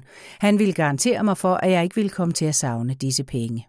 Men da enhver jo af sig selv nærmest blev mit svar, at hvis jeg ikke kunne få at vide, hvorfra eller hvorledes jeg selv skulle få dem, kunne jeg ikke påtage mig lånet. Min svigerfar sagde da, jeg giver dig i Guds navn mit ord på, at du vil få de 200 kroner, når du skal bruge dem. Ja, så blev min hustru og jeg enige om, at vi måtte følge hans opfordring, og pengene blev afleveret skønt vi ikke på nogen måde kunne begribe, hvorfra eller hvorledes vi skulle få dem igen. Dagene gik, og der kom ingenting. Aftenen før jeg skulle betale min husleje, var de endnu ikke kommet, og jeg må tilstå, at jeg i høj grad tvivlede om, at de kom. Og da vi endnu havde vores tidligere falske oplevelser i minde, blev vi ængstlige for på ny at have fået forbindelse med et væsen, der ville føre os vild, og skønt løftet var givet i Guds navn, blev vi enige om, at jeg hellere selv måtte sætte mig i bevægelse for at låne pengene, til jeg kunne få mine egne tilbage. Som sagt, så gjort. Samme aften fik jeg dem ved at henvende mig til en slægtning, men det var jo absolut ikke det, vi havde ventet. Vi havde forstået, at de ville komme til os uden nogen som helst ulejlighed fra vores side. Med andre ord, vi var meget lidt tilfredse med denne løsning af spørgsmålet. Men så kom alligevel den rette løsning. Dagen efter, kort før jeg skulle udbetale min husleje, fik jeg 200 kroner som en gave fra et menneske, der intet vidste og intet kunne vide om, at jeg stod og manglede netop denne sum. Og lad mig med det samme tilføje, at der for os ikke var nogen grund til at vente nogen som helst gave fra nogen som helst, til med da det den dag hverken var min hustrus eller min fødselsdag. Gaven kom med andre ord som et lyn fra en klar himmel, fuldkommen uventet. Det er vanskeligt at beskrive vores følelser, men i hvert tilfælde kan man nok forstå, at vi følte os meget beskæmmede over at have udvist en så ringe tillid til det givende løfte. Da vi talte med min svigerfar, sagde han, at de løfter, der af lysets ånder gives deres myndlinge i Guds navn, altid vil blive holdt, samt at det var ganske utænkeligt, at han ville have aflagt et falsk løfte. Han fortalte, at han havde vidst, at vi ville få den gave, og at vi netop ville få den på den dag, hvor vi skulle udbetale de 200 kroner. Derfor havde han sagt, at vi ville få pengene, når vi skulle bruge dem. For min hustru og mig er det ganske umuligt at gå med til at forklare det forfaldende som en telepatisk hændelse. Vi anede intet om, hvor pengene skulle komme fra, og det menneske, der gav os dem, vidste absolut intet og kunne intet vide om vores private forhold.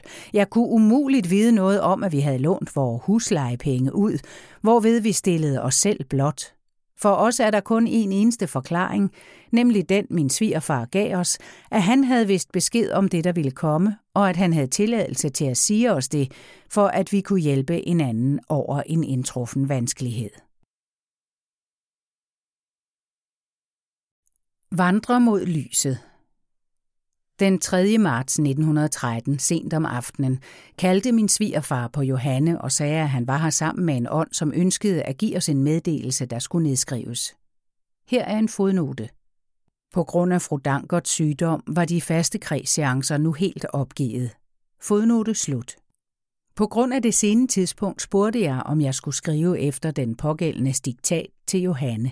Dertil blev svaret, at de ønskede, at Johanne og jeg skulle sidde ved bordet, for som sædvanligt gennem ja- og nej-bankninger at få bekræftet, om Johanne korrekt gengav det, der blev givet hende, og at de ønskede, at min søster, fru Lindahl, kom til stede, så hun kunne fungere som nedskriver. På denne opfordring ringede jeg til min søster og bad hende komme, hvilken anmodning hun straks efterkom. Den ånd, der nu manifesterede sig, kaldte sig Ardor og gav os de første sider af Vandre mod lyset. På vores forspørgsler fik vi at vide, at Ardor var identisk med den ånd, som vi mennesker kalder Lucifer eller Satan, og at han ifølge Guds opfordring var kommet til os på årsdagen for sin tilbagevenden til Gud, for gennem min hustru at give menneskeheden en beretning om sit fald, sine synder og sin frelse. Hverken Johanne eller jeg huskede, at den 3. marts var årsdagen for den aften, da vi var gået i forbøn for ham. Derimod huskede vi godt, at det var sent på aftenen, da Kristus bragte ham til os. Ved at søge efter i vores papirer, konstaterede vi imidlertid denne opgivelses rigtighed, hvilket selvfølgelig interesserede os i høj grad. Der begyndte nu et for os overordentligt interessant, men anstrengende og langvarigt arbejde. Særligt blev der krævet overordentligt meget af min hustru. Da der i Vandre mod lyset side 316 er gjort rede for, hvorledes dette værk fremkom, vil jeg her kun omtale, hvilket tålmodighedsarbejde det blev for Johanne at være midler for dette værks fremkomst.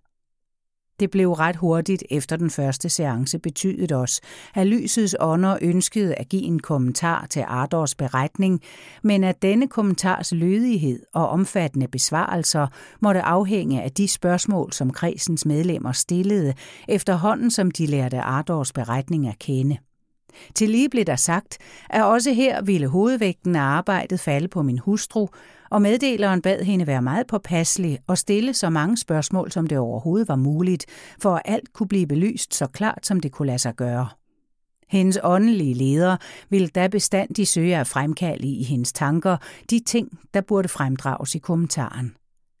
Efter at arbejdet med spørgsmålene til kommentaren var begyndt, gik det først rigtig op for Johanne, hvilke store krav der stilledes til hende, og hun følte snart, at hun arbejdede bedst sammen med sin åndelige leder, når hun holdt sig i ro i sit hjem. Følgelig opgav hun al selskabelighed, gik ikke i teater til koncerter, fordi alt dette virkede forstyrrende på den åndelige forbindelse. Forklaringen på dette fænomen må sikkert være den, at når min hustrus tanker var optaget af det, hun havde hørt eller set, altså påvirket af ydre forhold, var det vanskeligt for hende at sætte alt dette til side og gøre sit indre åbent for de åndelige intelligensers tankeinspirationer. I hvert fald er det en kendskærning, at nu da hun frivilligt trak sig tilbage fra den ydre uro for helt at hellige sig til sin opgave, gik det langt bedre for hende end i begyndelsen, og arbejdet blev ført til ende til de åndelige intelligensers tilfredshed. Der blev aldrig nogensinde udøvet nogen som helst tvang over for hende i retning af, hvad der skulle medtages og hvad der skulle udelades af de til brug for kommentaren givende besvarelser. Hvis Johanne gjorde indvendinger, fordi hun mente, at det eller det ville vække vrede, forarvelse eller misforståelse, svarede hendes leder altid. Vent med at indføje det, til du forstår, at det er det rigtigste, at det medtages. Og når vi så efter at have talt med hinanden derom, begge kom til det samme resultat, at vores små meninger ikke burde veje i vægtskålen til fordel for os, blev den ønskede besvarelse indføjet, hvor den hørte hjemme. På samme måde gik det, da den åndelige leder i april 1918, se Vandre mod lyset side 230, note 2, anmodede Johanne om at medtage et stykke angående medier, de jordbundne ånder og seancer, som han derefter gav hende. Min hustru sagde straks, da hun forstod, hvorom det drejede sig, så får vi også spiritisterne imod os. Det vil de aldrig gå med til. Det er jo deres alfa og omega. Men netop derfor skulle det medtages. Spiritisterne skulle lære at indse, at også nogle af deres dogmer var falske og burde rettes. Denne gang varede det længe, inden Johanne kunne få sig til at indføje det pågældende stykke. Hun syntes, det var for hårdt også at få spiritisterne til modstandere, men da hun gennem samtaler med nogle ånder, der selv havde erfaret, hvilken lidelse det var imod deres ønske og vilje at blive draget til spiritisternes seancer, forstod, at hendes leders krav var berettiget, blev stykket indføjet. I modsætning til Ardors beretning og til de to taler, henholdsvis af Kristus og af Guds tjener, der blev givet i sammenhæng og i fortsættelse ved hver seance, fremkom kommentaren som et fuldstændigt mosaikarbejde. Besvarelserne blev skrevet på løse stykker papir, uden noget forsøg fra Johannes side på at samle dem eller ordne dem i en bestemt rækkefølge. Da der var nedskrevet en del forklaringer, blev disse efter den åndelige leders anvisning samlet i den orden, hvor i de skulle stå. Resultatet blev da en meget lille kommentar. Lederen gjorde Johanna opmærksom på, at dette kun var en begyndelse, der skulle meget, meget mere til. Så fortsatte vi med spørgsmålene, der blev stillet, snart fra den ene, snart fra den anden af kredsens medlemmer, men hovedsageligt fra Johanne.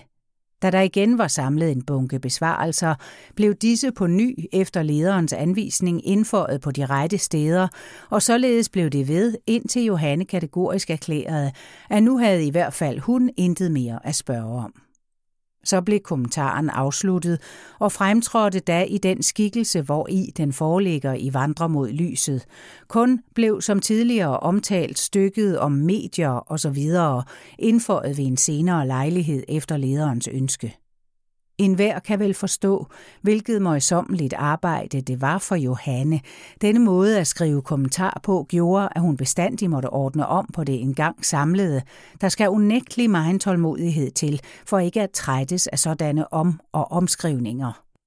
På den anden side forekommer det mig, at det egentlig er det allerbedste bevis for, at værket ikke kan skyldes min hustru. For hvis hun var ophavsmanden til det, måtte hun, som man altid gør, have lagt en disposition, før værket blev til, og ikke på må og få givet sig ind på et så overvældende arbejde ved at fremstille det på oven anførte måde. Min hustru havde endda et så ringe overblik over de modtagende besvarelser, at hun ikke var i stand til selv at finde, hvor de nye indføjninger skulle anbringes. Lederen måtte hver gang meget nøje påvise stederne, og som regel passede det indføjet så godt til det alt indskrevne, at der fra lederens side kun i få tilfælde måtte gives et par linjer for at kæde det nye til det, der alt var skrevet. Da mange af tankerne i kommentaren var fremmede og ukendte for Johanne, og da hun atter og atter, ligesom jeg har måttet læse, for ikke at sige studere besvarelserne igennem, for at forstå dem og for at kunne forklare dem for andre, er det ganske umuligt, at disse tanker skyldes os selv, skyldes vort jegs bevidsthed. Men også her er der fra modstanderes side påstået det utroligste for at forklare tilblivelsesmåden. Naturligvis spiller telepati og underbevidsthed den samme rolle som ved forsøgene på at forklare hilsen til Danmarks fremkomst.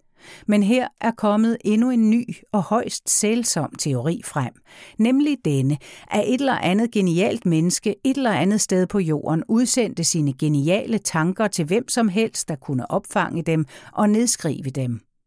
Her bliver dog altså min ringhed som den telepaterende ophavsmand sat ud af spillet. Men hvad skal man tænke om de mennesker, der i fuldt alvor fremsætter sådanne påstande? Kan man overhovedet tænke sig et geni, der frivilligt sætter sit lys under en skæppe og overlader til en tilfældighed, om hans geniale tanker kan opfanges af andre og derved se dagens lys i et samlet værk? I hvert tilfælde efterlyser min hustru og jeg her dette for os højst besynderlige menneske. Det vil være rart, ikke alene for os, men også for andre, at lære et sådan unikum at kende. Men jeg er bange for, at vi ikke får ret meget ud af vores efterlysning. Efter ønske fra oversandslig side blev Vandre mod lyset udgivet i foråret 1920. Bogen blev sendt til alle biskopperne, samt til ca. 60 præster, provster og andre teologer. Den blev mødt med officiel tavshed. Efter nogle måneders forløb fremkom i et par provinsblade et par velvillige anmeldelser. En af disse anmeldelser efterfulgtes af en polemik, hvor i en præst deltog. Hans indlæg viste klart, at selvom han havde læst i bogen, så havde han hverken gennemlæst eller gennemtænkt den. Hans betragtninger er der for os ingen grund til at tage ad notam. I et af hovedstadsbladene stod om efteråret en anmeldelse af Dr. Phil Kortsen. Heller ikke denne skal ofre mange ord, da anmelderen tydeligvis kun har sat sig til opgave at latterliggøre værket. For det skal vel være en morsomhed, når hans løbske fantasi former nedenstående Mathias som redegørelse for et af kapitlerne i Vandre mod lyset. Der nedfældes vinkelrette på radius fra centralsolen, Guds rige, der drages diagonaler fra bisulene, spørgsmålstegn, til begrebet væren, som er der er beliggende i det geometriske sted af de usynlige centre. Jeg behøver vist ikke at anføre mere, for at godt gøre det åndelige jordskælv, der må have fundet sted i denne filosofs hjerne. Nå, anmeldelser af den art rammer ikke værket. De slår kun tilbage på anmelderen selv.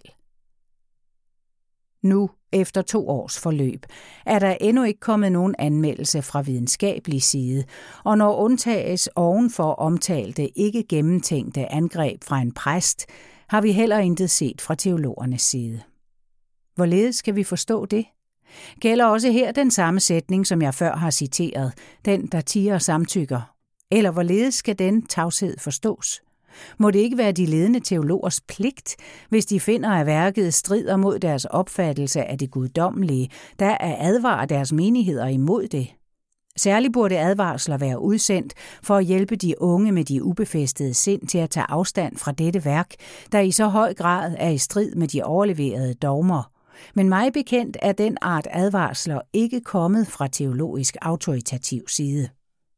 Derimod ved jeg, at talrige unge har sluttet sig til bogens tanker, har forstået dens klare, retfærdige, kærlighedsfyldte lære.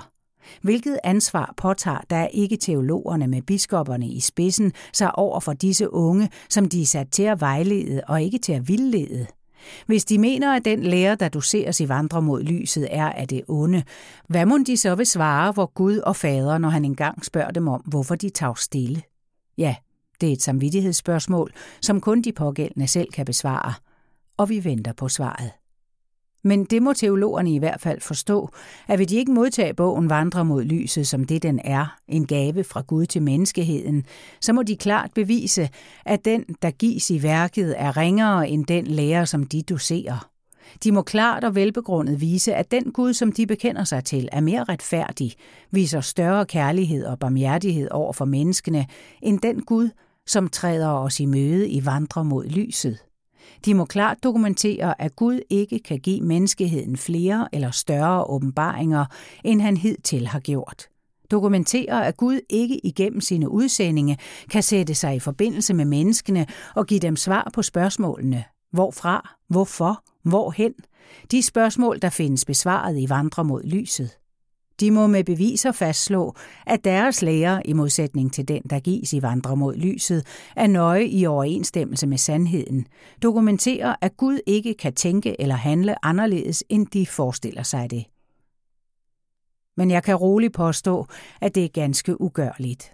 En Gud, der i sine tanker og handlinger lader sig baste og binde af menneskelige dogmatiske påstande, er ikke Gud.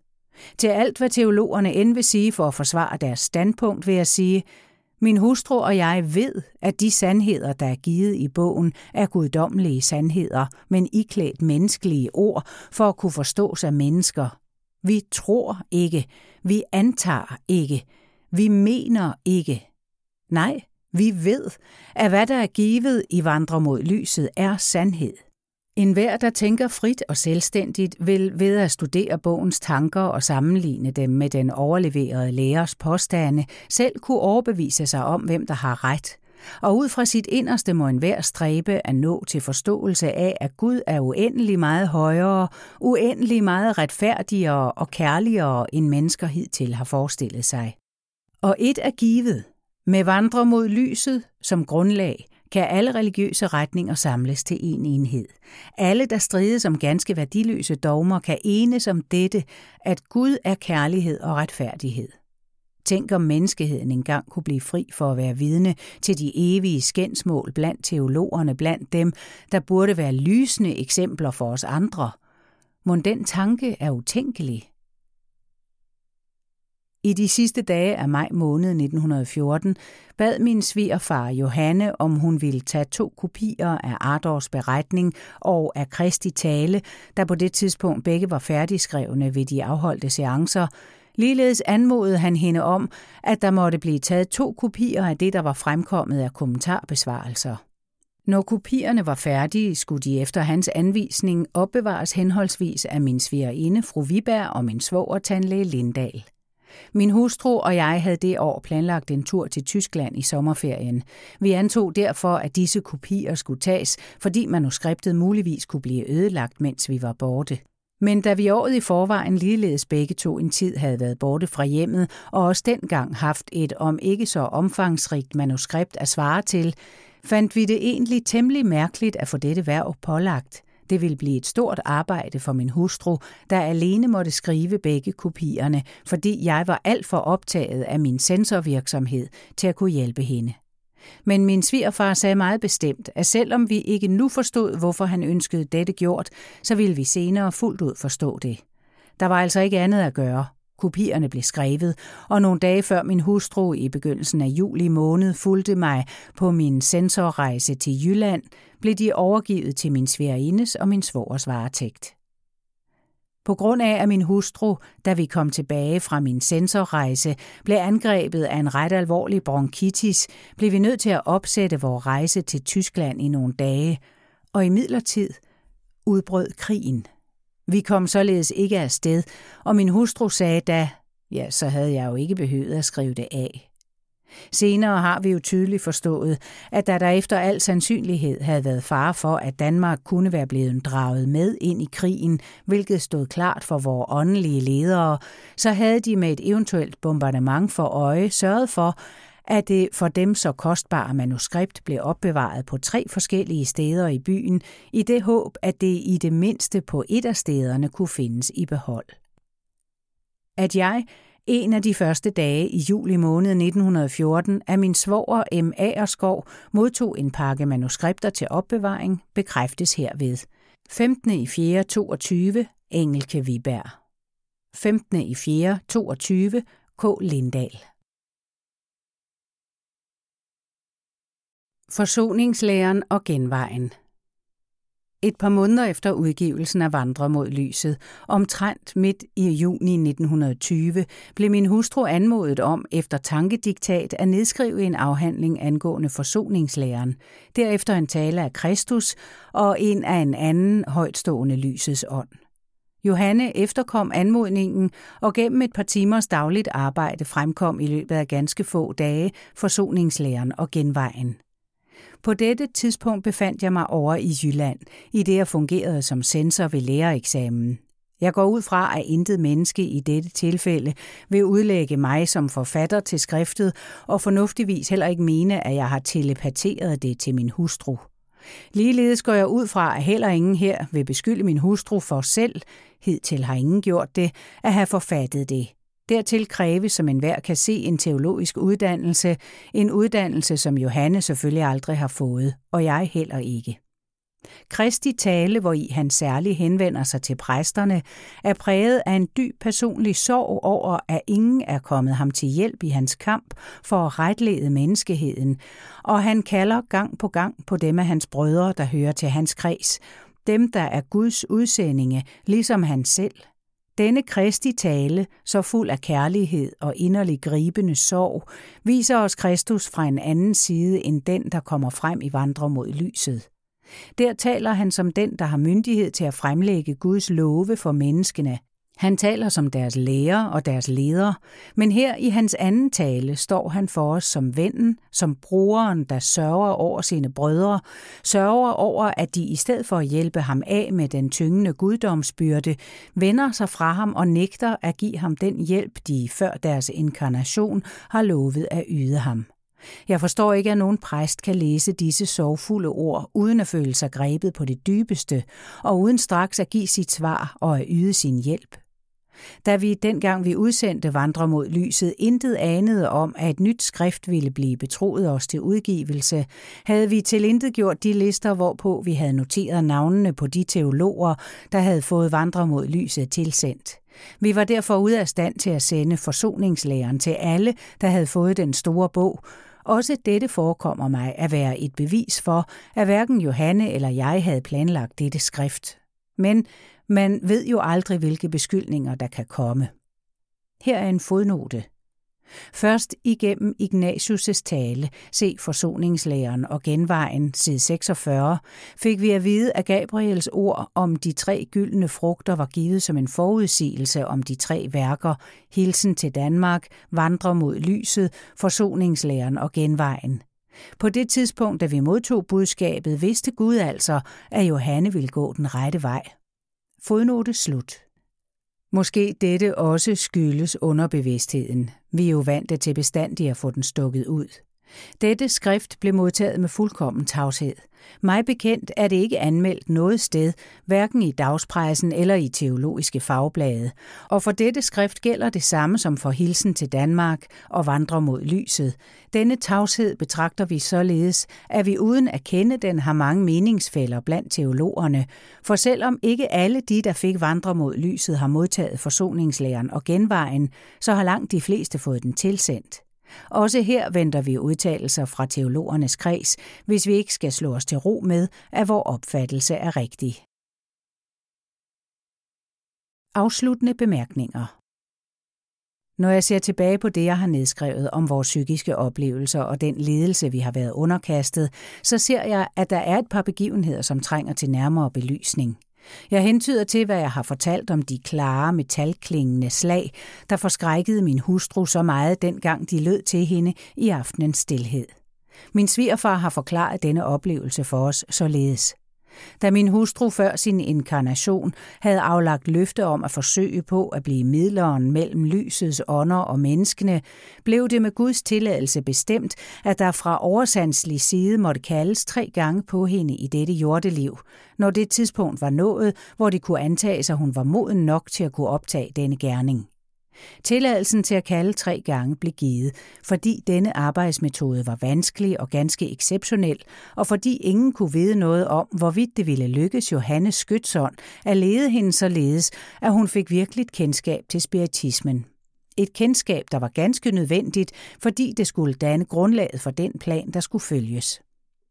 Da det tidspunkt var indtrådt, hvor skytsånden antog, at Johanne havde nogen forståelse af den åndelige forbindelse, fik Johannes far overdraget det værv at kalde på hende, og kalde således, at der var håb om, at hun ville reagere på den rette måde. Min svigerfar, der vidste, at Johanne i sin barndom og ungdom altid havde glædet sig over i de stille sommeraftener at høre solen blive ringet ned, og ofte havde sagt, at det lød så kønt med bedeslagene, der fulgte efter, valgte da at kalde på hende ved at slå tre gange tre klare slag, for derigennem at vise hende, at den, der kaldte, ikke ville hende noget ondt, og for muligvis derved gøre hende forståeligt, at det var ham, der kaldte. Det eneste, der opnåedes, var altså kun, at Johanne blev forskrækket, og da hun, der har en stærk vilje, så bestemt bød den usynlige gæst at holde op, var det ham umuligt at gennemføre alle slagene lige klart og højt. Han måtte bøje sig for den vilje, der bød ham holde op.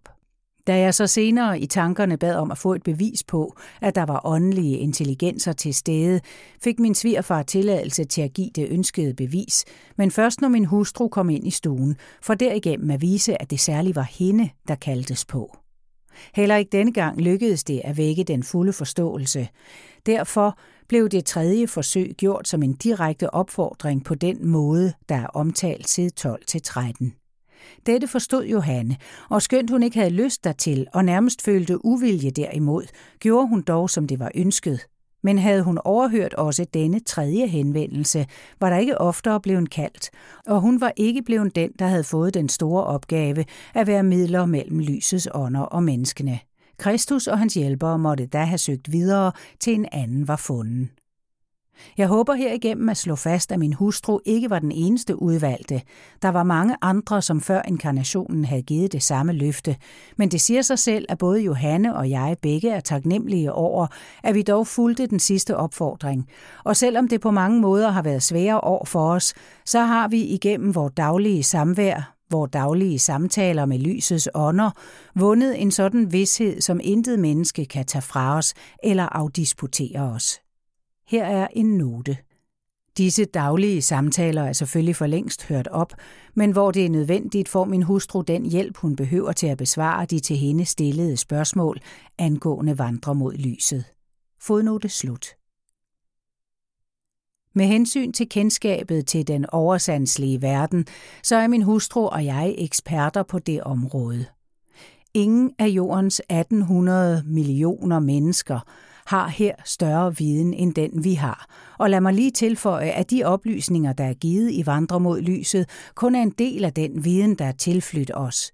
Vi har kendskab til mangt og meget, som ikke kan meddeles og heller ikke vil blive meddelt menneskeheden gennem os, men for at vi på alle måder kunne være rustet til at yde den håndsrækning, der krævedes af os, måtte vi være mere vidne end andre, der ikke var nødsaget til at have denne viden. Til slut vil jeg her omtale en udtalelse, som flere mennesker, der ikke har forstået vandre mod lyset, er kommet med til os. Nemlig denne. At hvis djævlen, Ardor, virkelig var vendt tilbage til Gud og havde modtaget hans tilgivelse, så måtte menneskene med et slag blive bedre, fordi de var unddraget hans påvirkning. Tænksomme mennesker har selvfølgelig forstået, at noget sådan ikke kan ske lige på én gang. Først og fremmest fordi kun så få mennesker endnu har tilgivet ham. Til hvert menneske, der er i stand til at tilgive ham, løses derved fra hans forbandelser og bliver derigennem stillet friere over for mørkets, det ondes påvirkning. Ja, bliver åndelig set hævet op i en renere atmosfære. Dernæst har menneskene deres egne slette tilbøjeligheder at kæmpe imod, og sidst og ikke mindst, så findes endnu en mængde af mørkets repræsentanter inkarnerede blandt menneskene, og disse vil endnu i lange tider på forskellige måder hindre menneskehedens fremgang mod lyset. Kun langsomt vil bedringen kunne spores gennem de nye slægtled, og først når mørkets repræsentanter helt er forsvundet fra jordens overflade, vil fremgangen træde synlig frem. Den kamp, der i år millioner er kæmpet mellem lysets og mørkets magter, er i den åndelige verden ført til ende med sejr for lysets magter, men den aller sidste kamp må udkæmpes her på jorden mellem de inkarnerede repræsentanter for lyset og for mørket. Hvor lang eller kort var i denne kamp bliver, derom ved vi intet. Det afhænger af, hvor hurtigt lysets repræsentanter forstår deres opgave, og hvor snart de er i stand til at træde frem. Men hvis de af Guds udsendinge, der findes blandt de modne slægter, ikke våger sig frem nu for at forsvare lysets sag, der må der ventes på de unge slægtled. Vi ved altså intet om, hvor langvarig kampen bliver, men vi ved, at har lysets magter sejret i den åndelige verden, vil sejren også tilfalde dem her. Vi ved, at mange mennesker fuldt ud har sluttet sig til vandre mod lyset, og det har ikke manglet på opfordringer til os om at danne en forening, hvis opgave det skulle være at føre bogens tanker ud i livet. Men det er ikke den vej, der er ønsket fra oversandslig side. Vejen er klart angivet i forsoningslæren og genvejen side 36. Vandre mod lyset skal ikke være et splittelsens tegn. Bogen er givet for at samle alle på et fælles grundlag, og det er ikke vores opgave at skabe en ny religiøs retning og føje den til de talrige andre, der er skabt ud fra forskelligartede fortolkninger af Bibelen. Menneskeheden har på det religiøse område haft nok af splittelse og indbyrdes nag, nid og fordømmelse. Intet under, at der nu, da Ardor er vendt hjem, af lysets ånder sættes alt ind på at give menneskeheden et samlingsmærke, et fast grundlag, der ikke vakler og ikke kan forskydes. Vi håber det bedste af fremtiden, og vi ved, at de, der vælger den rette vej, vil gå den under vor Guds og Faders ledelse, således som vi har gået den. Tillæg i det jeg henviser til den nøjere omtale side 12, skal her meddeles et par prøver på digte fremkommende gennem min mediumitet. Karma Billeder ser jeg af smerte og sorg gennem talløse sekler. Nætter og dage har afløst hinanden i uafbrudt følge. Splittet og tynget af synd var de vekslende jordelivs rækker. Fremad du stræd dog, skønt langsomt, afkastende karmaens byrde. Så lidt har af glæde du kendt, men meget af smerte. Trods og hovmod og angst for den høje fyldte din tanke, tyngede dit sind og fyldte det tit med unævnelig redsel. Handlingens enkelte led skal Moribat vist dig fortælle. Snart vil I mødes, og lysere stund skal oprinde for dig. Meget skal sones, dog ingen brøde forstøder for evig, men du har sænket din strålende gang mod de himmelske højder. Der i egne, som vi ej forstår, burde være din bolig. Appius tiger, den høje, som står her, tavshed mig byder. Digtet fremkom den 6. 12. 1910. Side 26 i afsnittet om budskabet er fortalt om digtets mærkelige afbrydelse, der bevirkede, at frembringelsestiden ikke blev noteret. Digtet skyldes efter opgivelse ånden Appius Claudius og er rettet til et af kredsens medlemmer. Se en videre stykket om den indiske inkarnationsberetning. Iriva Godhed og hellig skønhed, Sælsomt stråler frem fra den blide kvindes ædle åsyn. Stråler af alle livets lyse farver, skuede jeg i det. Elskov og yndig godhed var dets tale. Mildhed og kærlig fromhed fra det strømmede. Håret var guld og gyldne hendes klæder, gyldne og hvide. Sang var i gangens varsomt blide rytme. Tonerne strømmede om det lyse væsen. Lejene nynnede hendes spæde stemme. Drømme hen åndet. Dog var der dult en sorg i dette åsyn. Sorg i de dybe, strålerige øjne. Længsel og smerte drømte dybt i blikket, blidnet af elskov. Længe hun så på dig, du skønne yngling. Ene til dig den underskønne talte. Gid I må mødes en gang i den høje, strålende himmel. Digtet fremkom ved en seance i februar 1911. Nedskrivningen tog syv et halvt minut uden rettelser. Efter opgivelsen skyldes også dette digt Appius Claudius og er henvendt til samme medlem af kredsen, som det foregående digt er henvendt til. Han bar i en tidligere inkarnation navnet Iphisus og var elsket af Iriva. Se den indiske inkarnationsberetning. Evigheden 1.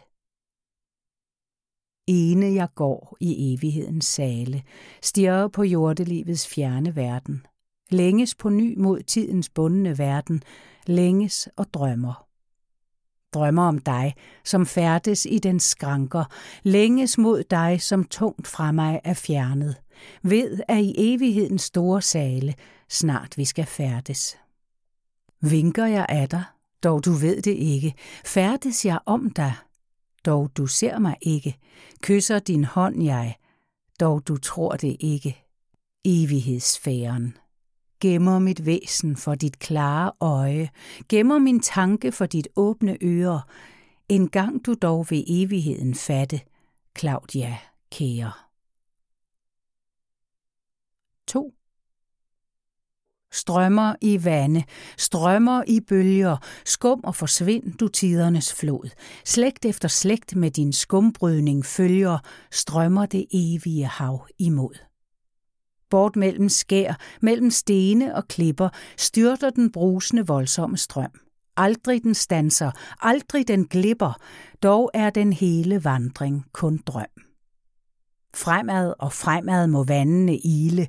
En gang ved evighedslandet de nå, der skal de skummende bølger få hvile, der skal de også forklaringen få. Menneskelivet begrænset af tiden, det er de ilende vande selv. Bølgerne dage i uafbrudt skriden, stund efter stund under evighedsvælv. 3. Du lille bitte verden, som strækker sig for min fod. Engang var al min færden ene vendt dig imod. Store og dybe tanker kendte min stræben ej. Døgnflueagtig man vanker af livets den slagende vej. Større dybde og styrke har jeg vel vundet nu, men mod det umålte mørke vender jeg ej min hu. Ingen om evigheden kender til fulde besked. Her så lidt som hist neden, dens indhold nogen ved. Vel gives der andre sfære, dem fatter dog ikke jeg. Intet om dem jeg lærer, nu på min vandringsvej. Disse digte fremkom ved en enkelt seance, hvis datum ikke er noteret. Se om Kristi besvarelse af spørgsmålet side 49. Nedskrivningen tog henholdsvis 5, 8 og 7 minutter uden rettelser, og digtene skyldes efter opgivelse ånderne Appius Claudius, Lilian Forster og Kurt von der Esche. Forskellen mellem den højtidelige romer, den sentimentale englænder inde og den noget raske tysker synes mig ganske karakteristisk. Slutlig skal anføres en sonet, der efter opgivelse skyldes den italienske renaissanceskikkelse Cesare Borgia. Den fremkom ved en seance den 19. i 7. 1909 i løbet af fem minutter. I tredje linje en ubetydelig rettelse. Såvel jeg selv som kredsens medlemmer var forbavset over, at et digt i så vanskelig en strofebygning kunne formes så hurtigt. Sonet med kindens runding, hårets rige fylde, med dybe øjnes blå og blide stråler, med slanke lemmer under dragtens hylde, med hænder formede som fine skåler, står hun, den unge kvinde, rigt forgylde med deres glans de sidste dagens stråler, den slanke skikkelse og den fortrylle, mens solen dagens sidste timer måler. O fagre drøm, o søde Beatrice, vend blikket mod mig, se din slave knæler, und ham et blik, et eneste du hulde.